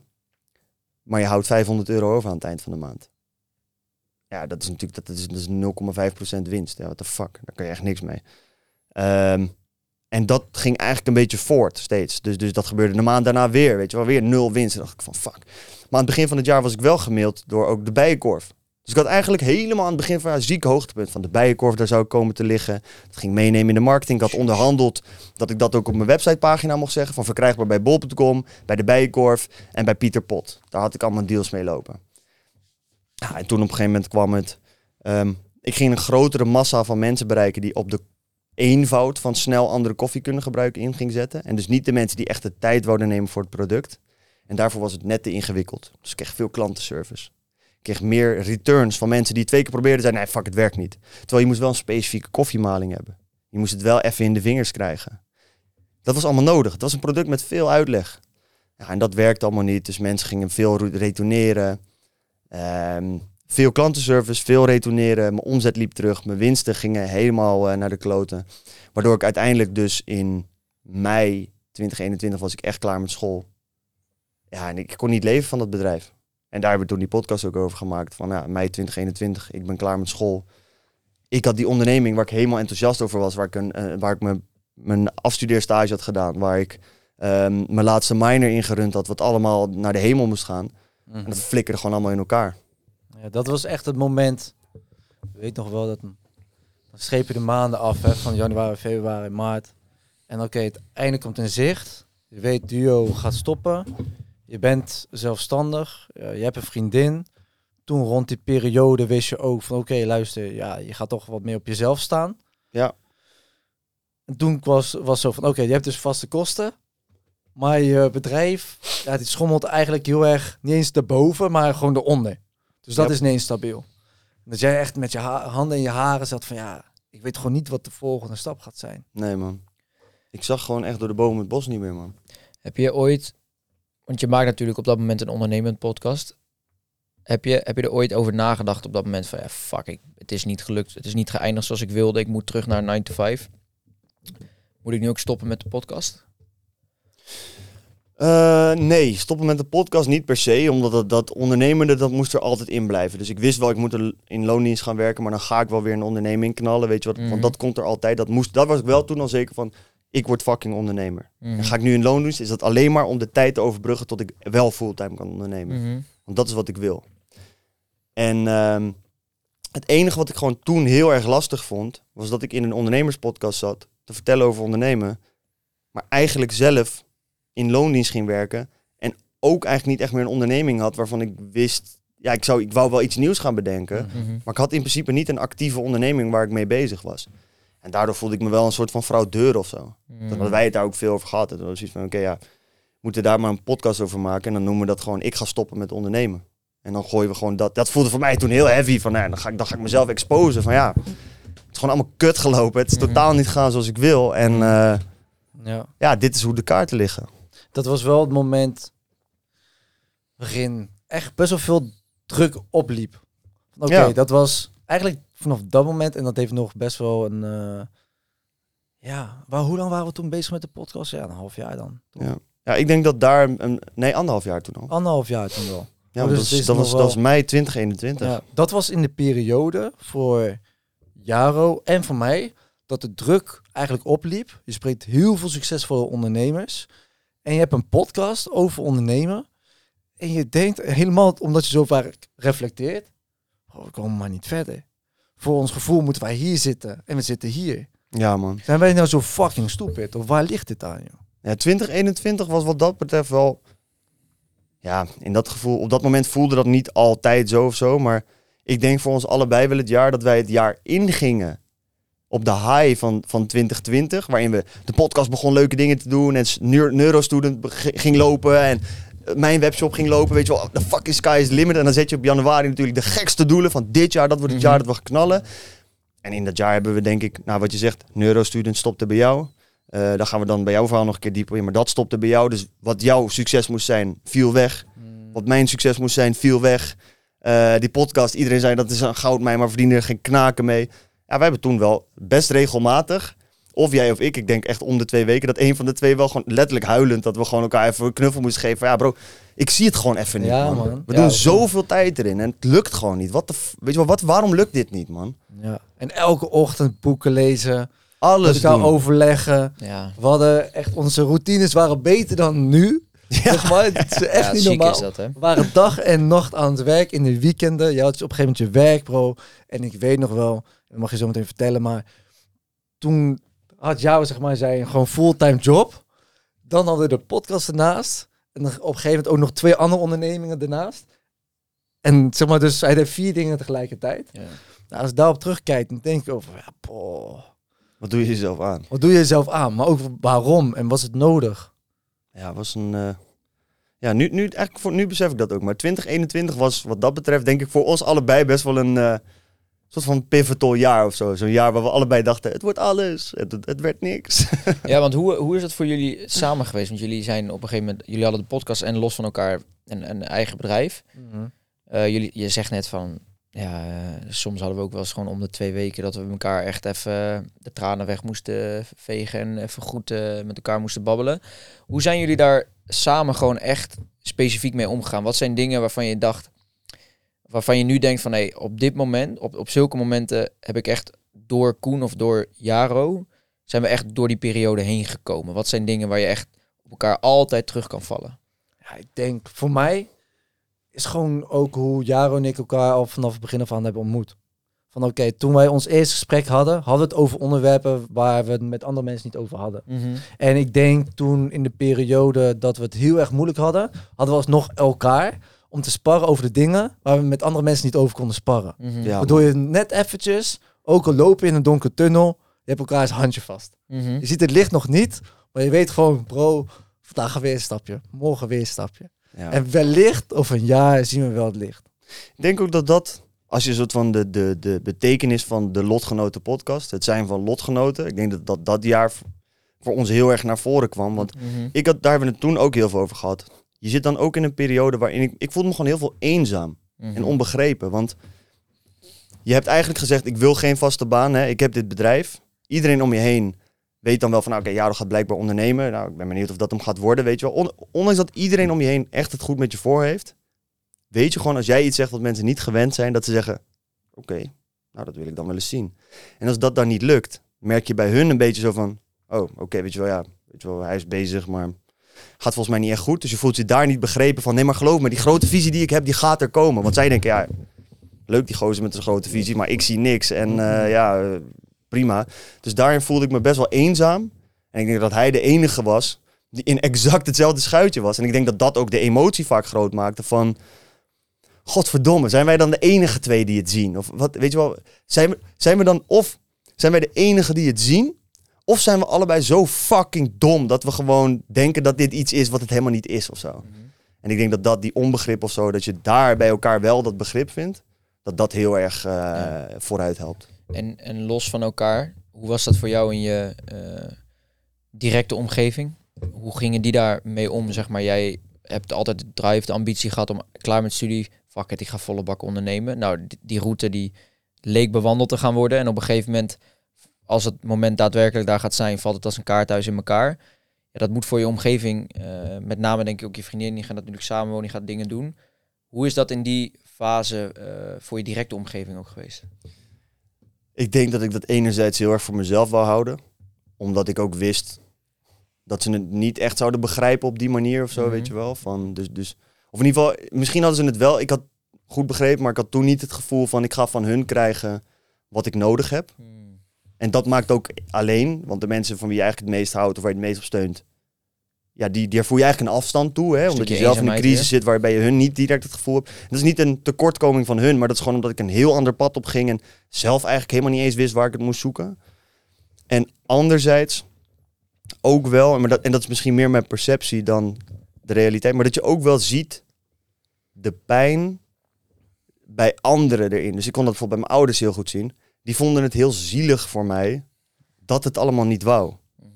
Maar dat, dat is bijna, dan is dat een soort van de neel in de koffie, toch? Dan zie je gewoon van, oh ja, mijn ouders vinden me nu eigenlijk ook wel van, ah, die jongen heeft het wel goed geprobeerd. Het is heel lief bedoeld, van, hij heeft het goed geprobeerd, maar het maakt niet uit, jongen, daar kan je zelf ook niks aan. Ja, dan denk je helemaal van, ja, zie je, ik ben echt een zieke teringmogol. ja, oké. ja, dan heb je dus eigenlijk gewoon iemand nodig die in je schop onder je hol geeft. En zegt van ja, je moet gewoon eigenlijk doorpakken en totdat je dat, die grotere visie wel gaat behalen. Ja, man. Ja. Ja, man. En, en ja, en ook gewoon, ja, gewoon door die pijn heen, man. Ja, blijf maar gewoon bewegen. En eh, ja, het, het, het, het gaat vanzelf wel een keer opgelost worden. Ja. En ja, gewoon dat ding wat ik nog steeds heel erg heb. Als jij gewoon heel erg groot droomt, denk ik gewoon niet dat er heel veel mensen gaan zijn in je omgeving die dat begrijpen. En dat neem ik ze totaal niet kwalijk en dat vind ik ook niet gek. Maar dat is gewoon omdat er toch echt wel een bepaalde mate van draadje los moet zijn. Of een ander soort mens om te zeggen... Ik heb nog nooit in mijn omgeving iemand gezien die 10 miljoen verdiend heeft in zijn leven. Ik denk dat ik het wel kan. Ja, dat is alsof iemand tegen je zegt van ja man, ik denk dat ik kan vliegen. Ga, je hebt geen vleugels, dat kan niet bro. Ik heb nog nooit iemand zien vliegen. Dus ja, ik denk gewoon dat dat voor die mensen heel lastig is om dat echt, echt te begrijpen. Mhm. En dat snap ik ook, vind ik ook helemaal niet erg.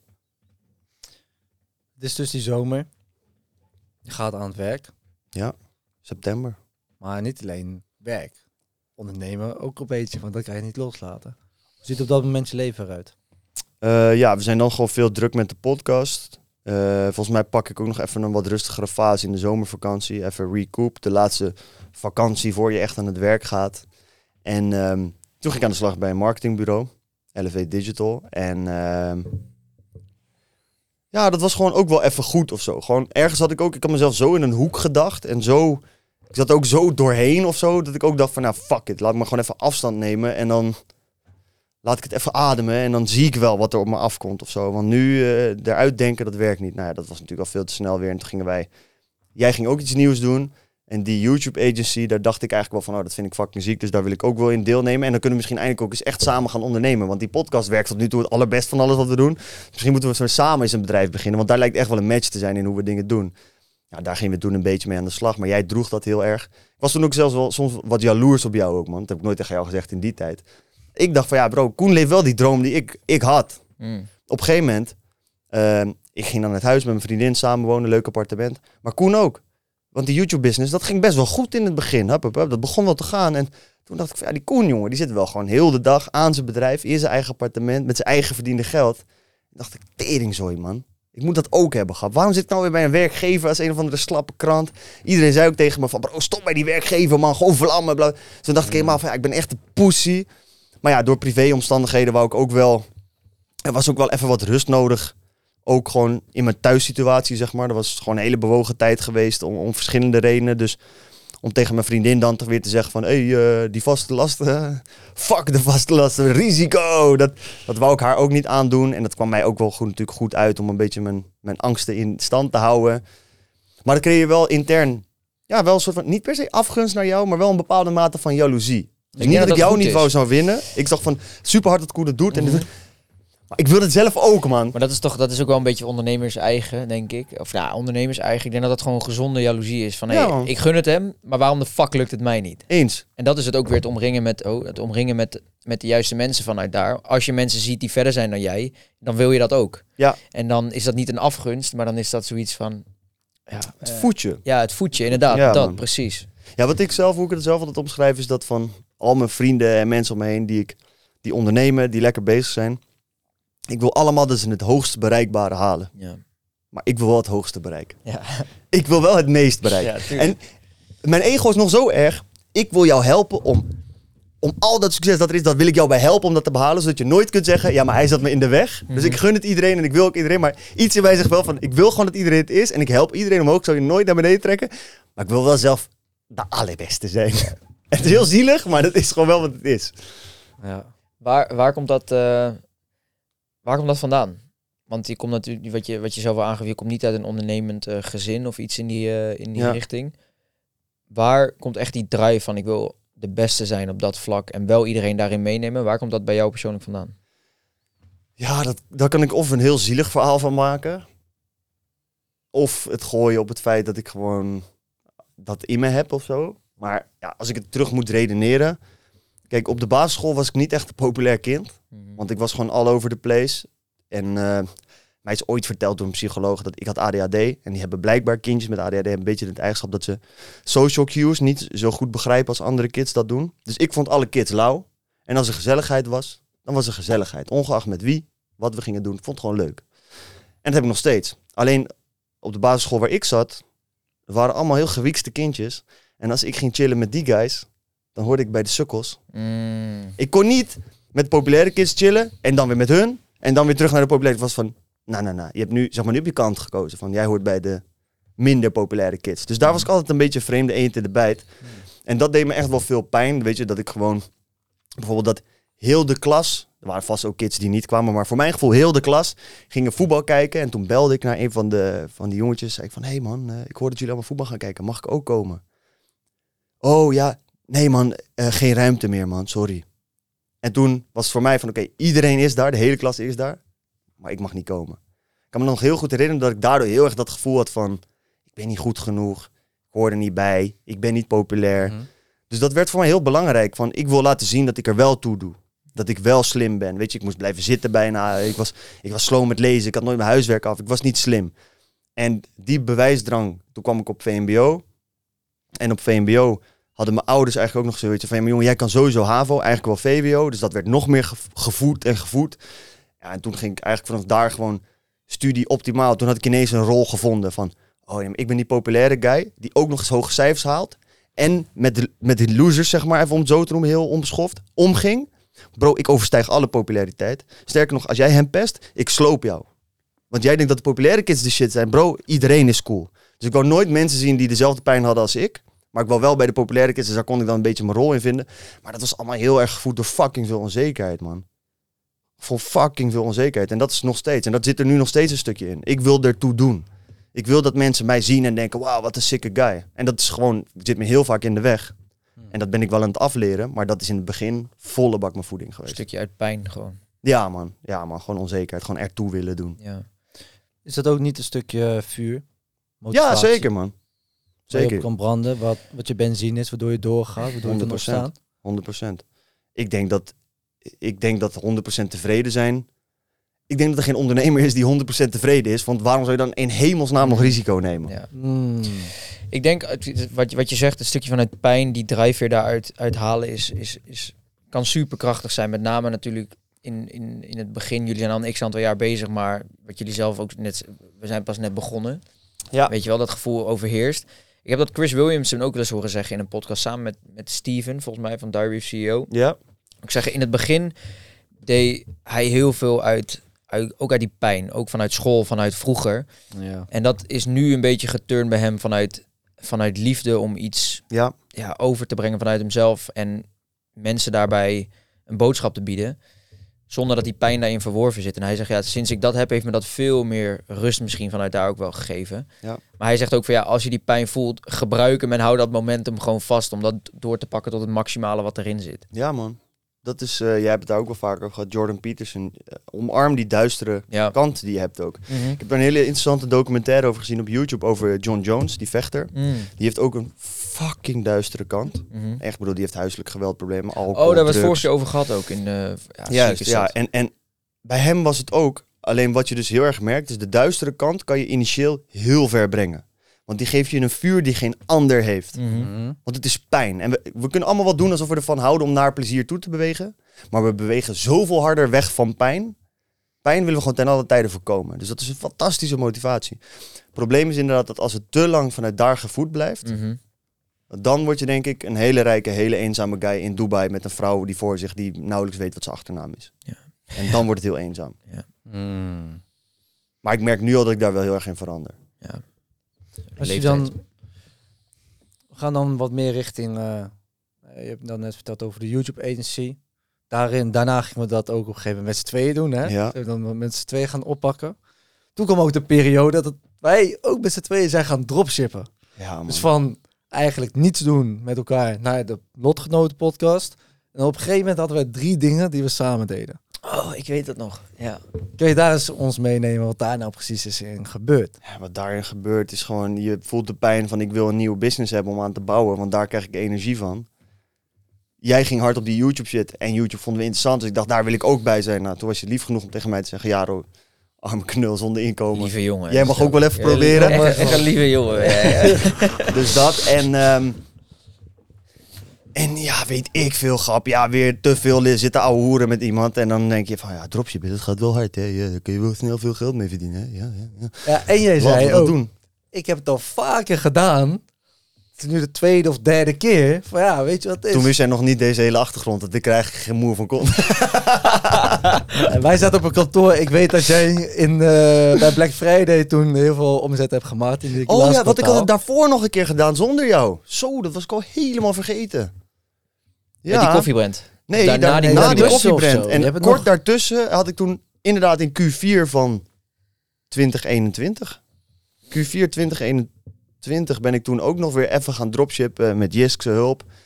En dat ging toen op een gegeven moment ineens best wel hard. Grap. Toen deed ik ineens een 10.000 euro dag aan omzet volgens mij op een dag. Dat was niet normaal. Lijkt. Ik, mijn telefoon ging pling, pling, pling, Lekker die pling. dopamine de hele dag. Ja, man. En ik was ja. denk ik 40 dagen daarmee bezig. Want ik snapte natuurlijk het e-com spelletje wel. En deze keer dacht ik wel, oké, ik luister goed. Want ik had veel podcasts opgenomen ook. Ik wist, oké, gewoon het plan volgen. Dus dat deed ik gewoon to a T. En dat ging wel lopen. En dat ging pling, pling, pling, pling. Alleen daar wat ik weer daarna...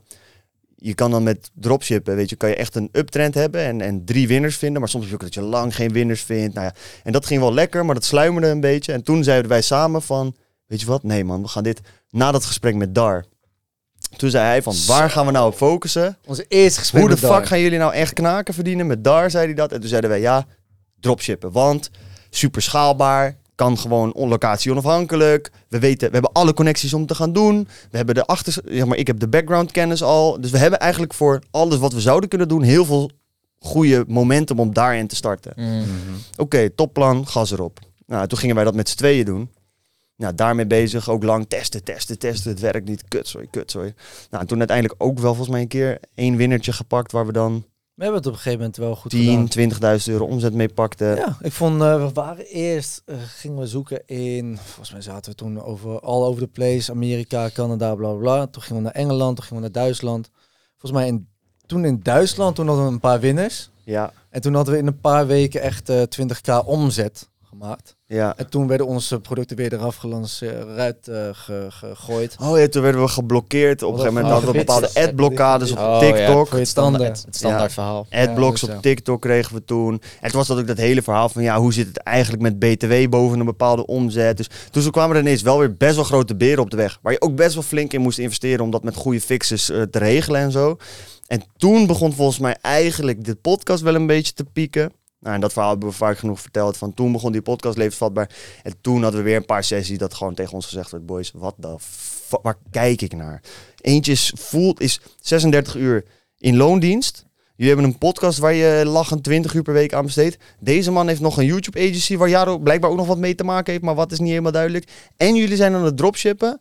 Oh, en, en jullie vinden crypto ook wel interessant. Doe ze van normaal, man. Crypto ook wel, ja. Ja, Zou ik Ja. net aan te denken. Crypto Geen, was ook geen- een ding toen. geen financieel advies. Hè? Nee, nee, zeker niet. Nee, geen ondernemersadvies. dit ook niet. Ja, man, dus, dus dat was, ja, dat, dat ging gewoon alle kanten op. En eh, waarom we dat op een gegeven moment dan echt weer gesloten hebben, ja, was denk ik gewoon omdat het was van, jongens, wat is nou die fucking focus? Ik ehm, ik ben een klein beetje kwijt wanneer we zijn gestart en gestopt met dropshippen. Maar alles kwam inderdaad samen met die sessies dat we in één weekend genoeg mensen van verschillende sectoren hadden gesproken over financiën, over ondernemerschap, over spons sponsoren van de podcast. Ja, en wat die Over sponsor coaching. met Bitfavo hadden we natuurlijk binnen. Ja, Maar wat maakte nou dat wij op een gegeven moment zeiden, we verdienen nu genoeg, Jaro kan stoppen met zijn baan? Niet, want ik was. eh, dat was dus het Dat werd mij namelijk verkocht, want ik was die angst aan van, ja, maar weten we het wel zeker?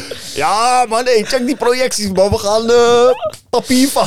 Oké, het was zo. We, we spraken eerst. Koen dacht cherry waarschijnlijk stocking. intern ook, hey, we moeten deze man een beetje finesse en hem over de streep Hij halen. moet meer tijd in die Ja, het, podcast. was, het was wel echt een ding in die periode dat we elk ondernemer die we spraken, zei ook, Jaro, stop gewoon met werk. Ik vond stop, het gewoon letterlijk... stop die 40 uur in de podcast. In de podcast, die gaat genoeg geld verdienen. Dat vond ik zo kut, bro, dat ik daar elke keer aankwam, wetende Dat mensen dat, dat ik het wou. En dat die waarschijnlijk wel gelijk hadden, maar dat ik gewoon te fucking scheiterig was om het te doen. is kut hoor. Elke vrijdag en donderdag. Hé hey man, wat doen jullie dan? Ja, ik werk nog in loondienst. Loondienst? Ondernemerspodcast. Doe jij in loondienst? Ja, ik werk bij een marketingbureau. What the fuck? Doe dat dan op zijn minst voor jezelf. What the fuck? Ga gewoon als ZZP'er dat dan doen.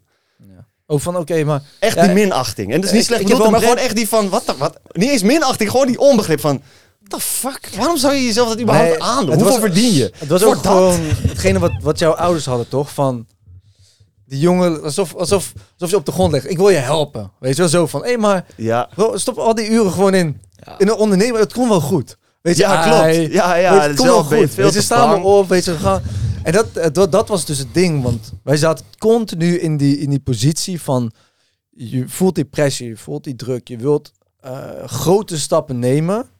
Alleen er zit nog een mentale laatste blokkade. Ja, En toen hadden we dus Jerry Stocking, die zei van, oké, ik wil jullie coachen, maar dan moeten jullie één van jullie ondernemingen kiezen.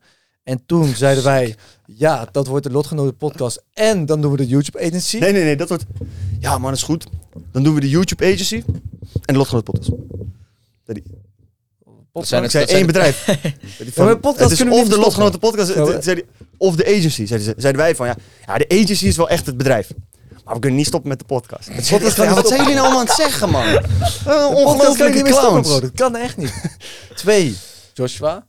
Die gaf aan van luister, de sponsoringen die jullie nu krijgen, de samenwerking die jullie nu hebben. Weet je, die bedragen, ehm, jullie kijken er heel erg naar op. Valt op zich nog wel mee. Ja, jij verwoordt het heel netjes, want dat is hoe wij het geconcludeerd hadden. Maar gewoon letterlijk, wij waren bij hem thuis. En hij was wel geïnteresseerd van, ja, hoeveel vragen jullie dan voor sponsors? Wat, wat kost het een beetje? Wat doet zo'n Bitfavo? Hadden wij een beetje van, ja, ongeveer, weet je, want dat wou je dan niet zeggen, hè? Mhm. Want dat vonden we toen erbij. Ja, weet je, ongeveer zo en zoveel. En eh zei die, eh, bro, ik zou makkelijk het dubbele daarvoor betalen. What the fuck? En toen zaten wij, what the fuck. we zijn onszelf weer veel te laag aan het inschatten. Maar toen dachten we wel van oké, dus er is mensen. Ja. Er is iemand die daadwerkelijk genoeg potentie in ons ziet als ondernemers om ons ook te willen coachen. Dus er is vertrouwen in ons. Er is vertrouwen in de business case achter de Lotgenoten podcast. En als je dit eigenlijk doet, je hebt maar, eh, laat zeggen, vijf mensen nodig die zulke bedragen betalen.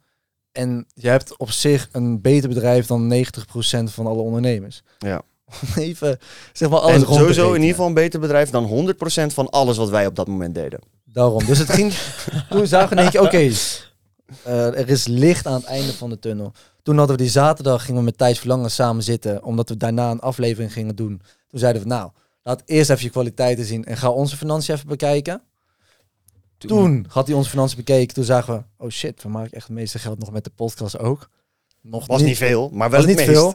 Maar niet, zeg maar, met, met, niet met jouw werk en niet met de YouTube-energie en niet met eh, het dropshippen. Ja, en vooral ook het percentage winst dat gewoon overbleef. Ja, la- van, ja, dat wat is nou echt winstgevend en stabiel? En dat was dat gewoon veruit. Ja, en toen hadden we die zondag nog een barbecue bij Maurice Weber.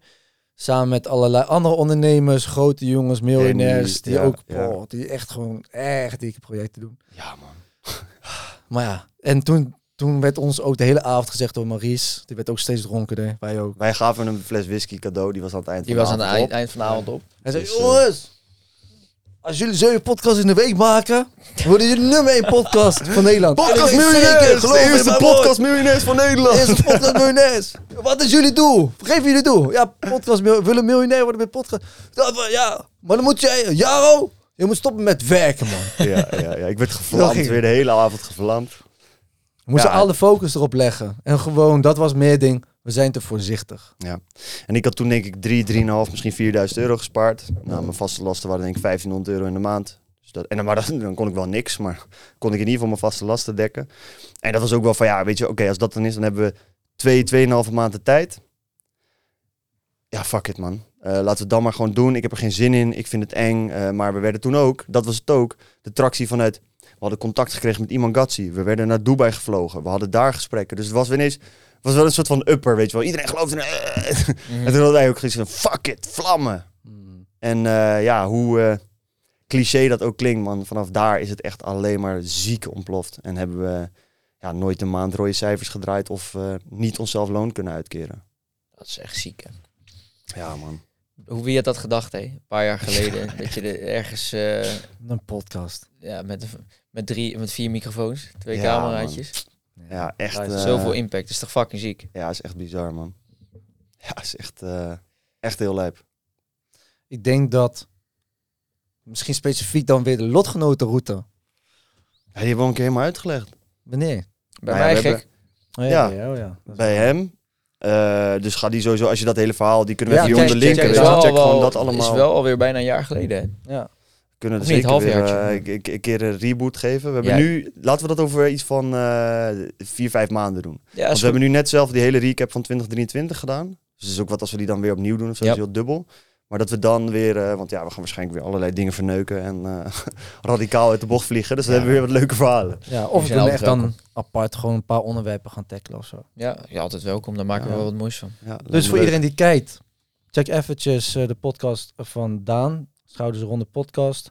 En eh, abonneer daar ook. Ja, en check die specifieke aflevering als je dat wil weten. En anders heeft die aflevering met Michael Pilarczyk, Andy Been en die van, de meiden. Lang niet gek. Ja, Ook met Mitchell Wijman. Mitchell Wijman Wijman. ook. Ja. Een hele Ja, toffe. Ehm, zit al bijna op 50, joh. wat is je Favo-aflevering? Oeh, dat is een goeie. Moeten wel. Favo-aflevering. is kutvraag, hè? Ja, Krijg je maar die vaak? Ik, eh, ik krijg hem wel geregeld, ja. Weet je wat ik jouw favoriete Standaard aflevering vind? Nou, Gewoon omdat ik die gewoon... Dat vind ik leuk. Ook omdat wij die nog helemaal niet hebben gehad. Gewoon Andy, man. Andy, van, de meiden. ja, hij was, die was Snap ook wel echt lachen. Maar ik denk, dat was echt... Zeg maar, ook een bijzondere podcast. ja, heel bijzonder. En hij was ook heel, eh, al best wel in een vroeg stadium van de podcast zelf. Dus dat maakte het ook al wel Ja. best wel Ja, bijzonder. dat was vet, man. Ja, dus dat was wel echt dik. Die was qua ontspannenheid en ouwehoeren en humor en gewoon levenslessen tussendoor vanuit hem. Ja, Op dat moment wel echt het leukst. Maar ik denk de podcast waar we qua voorbereiding ook en ook het moment dat eigenlijk alles een beetje samenkwam, echt het meeste aan gedaan hebben, is ook wel die met eh, Michael man, Pilarczyk. ja. Ja. Die was ook wel echt. eh, Vond je spannend? ehm, Ja, van tevoren wel. Maar op het moment dat hij de deur binnenliep, was het eigenlijk al gewoon prima, man. ja. Ja. Een En. En wat jullie ook zeggen, jullie ook als jullie op een gegeven moment, je doet het zo vaak dat het op een gegeven moment ook niet meer uitmaakt wie je tegenover je hebt zitten. Je weet man. toch wel, je vertrouwt ook wel een beetje op jezelf op dat moment. Klopt. Het, het klinkt misschien super erg, hè, maar je beseft ook vaak niet wie er tegenover je zit. Nee, dat is echt ziek ook. Weet je wat heel gek is bij mij?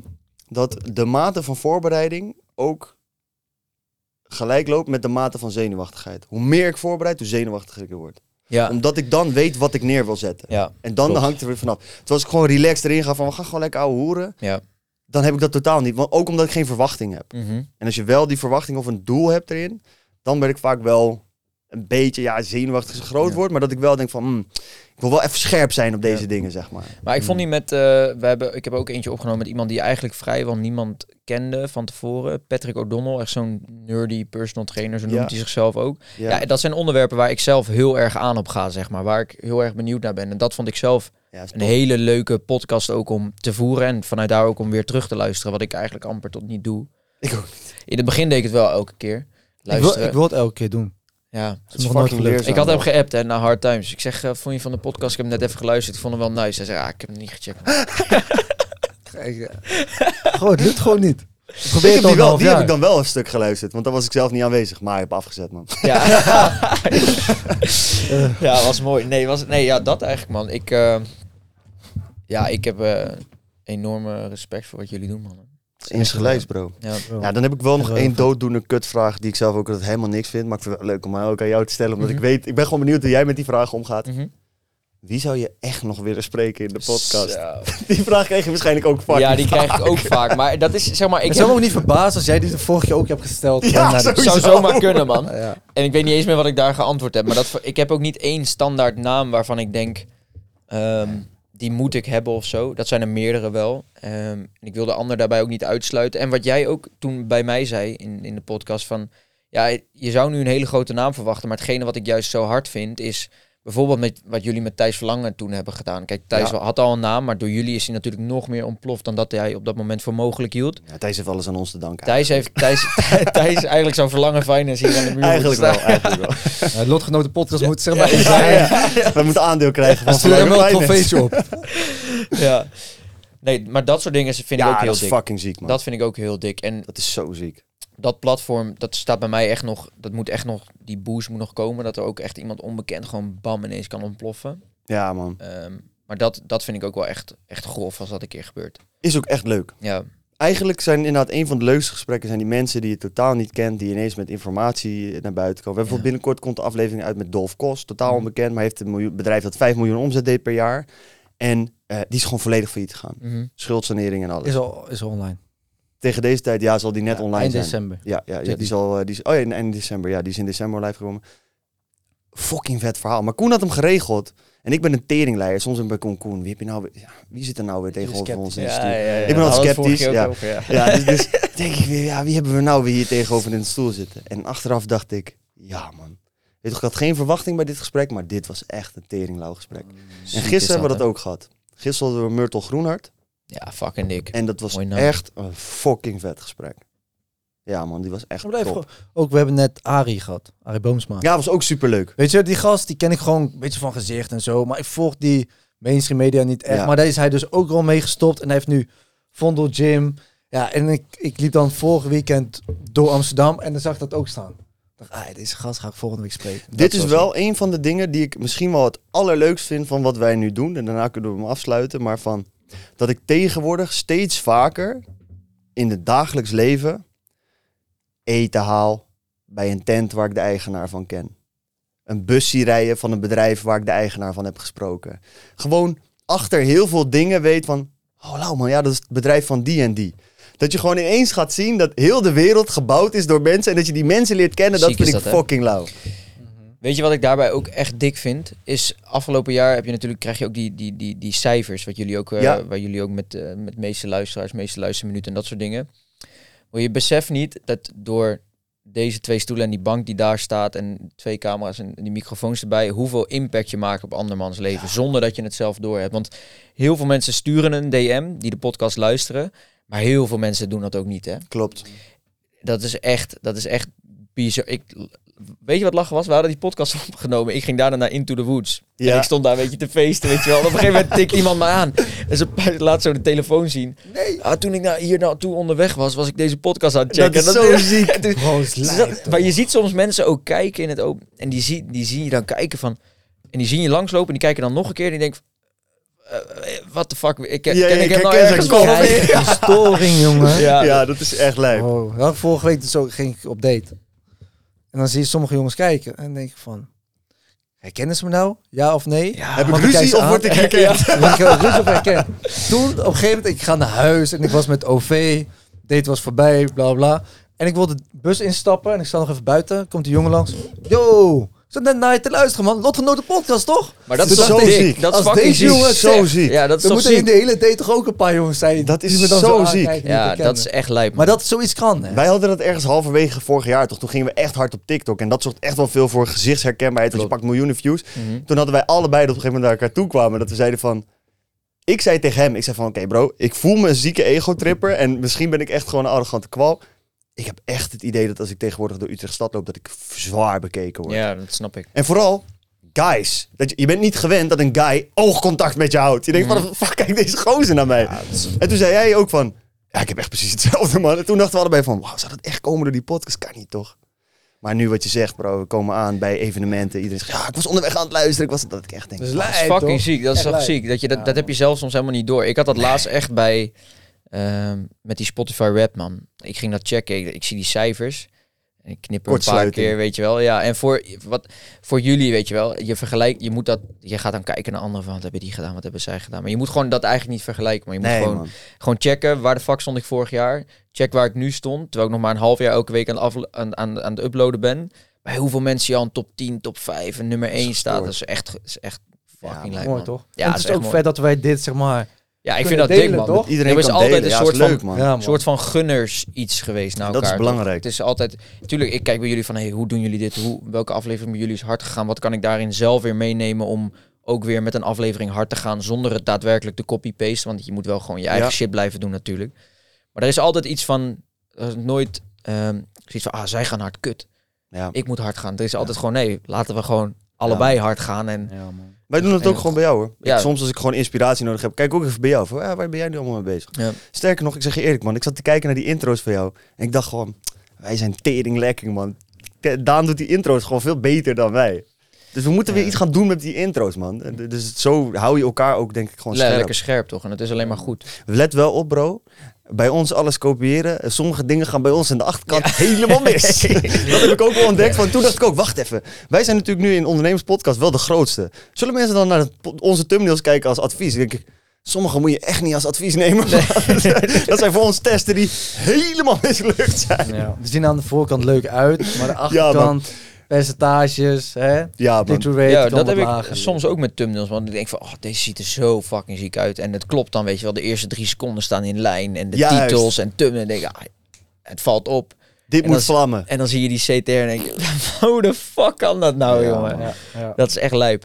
En daar kunnen we denk ik ook nog een hele podcast over vullen. Ja, over podcasten en hoe dat ja, werkt. Ja, ja, man. we hadden het er al over. Leuk om mensen in de comment dat een beetje te laten weten. Van, we willen gewoon een rookworst, een roundtable met Ja. Een aantal van de, de grootste, meest impactvolle ondernemerspodcasts uit Nederland doen. Ja. Eh, voor de mensen thuis, als jullie dat leuk lijkt, laat het even weten in een DM. Of laat een comment achter onder deze podcast. Doe comments. Beste comments. En dan geef ook even aan eh, wie je dan graag aan die tafel wil hebben. We Ja. hebben zelf eigenlijk ook al een lijst waarvan we zeggen, hey, dat zijn de ondernemerspodcast. En je kan natuurlijk niet, hè, eh, kan niet heel heel Nederland... er is niet genoeg ruimte om iedereen zeg maar podcast te laten. Nee, we kunnen niet elke persoon met een microfoon thuis... het is het eh, trauma voor jou, Jaro, weet ik, zeg maar. Maar Shit, man. Hey, worden de mensen buiten helaas. gesloten. Vind ik goed Precies. kut, hoor. Kut, zo. Ja. Had je het maar beter moeten doen! nee, maar dat Nee, is gewoon ook wie zou je iets wat graag we willen zien? Ja. Ja, ja, ja. Ja, wie je graag wil zien, geef het in de comments aan. Kunnen we weer meenemen. En dan gaan we het lekker afsluiten, jongens, dames en heren. Ja, En eh Jaro, tot de volgende keer. Daan, dankjewel. dan Jullie bedankt, je man. Ik heb weer genoten. Snel weer bij jou thuis. Gaan we Yo. doen. Top. Ciao. Ciao. Later.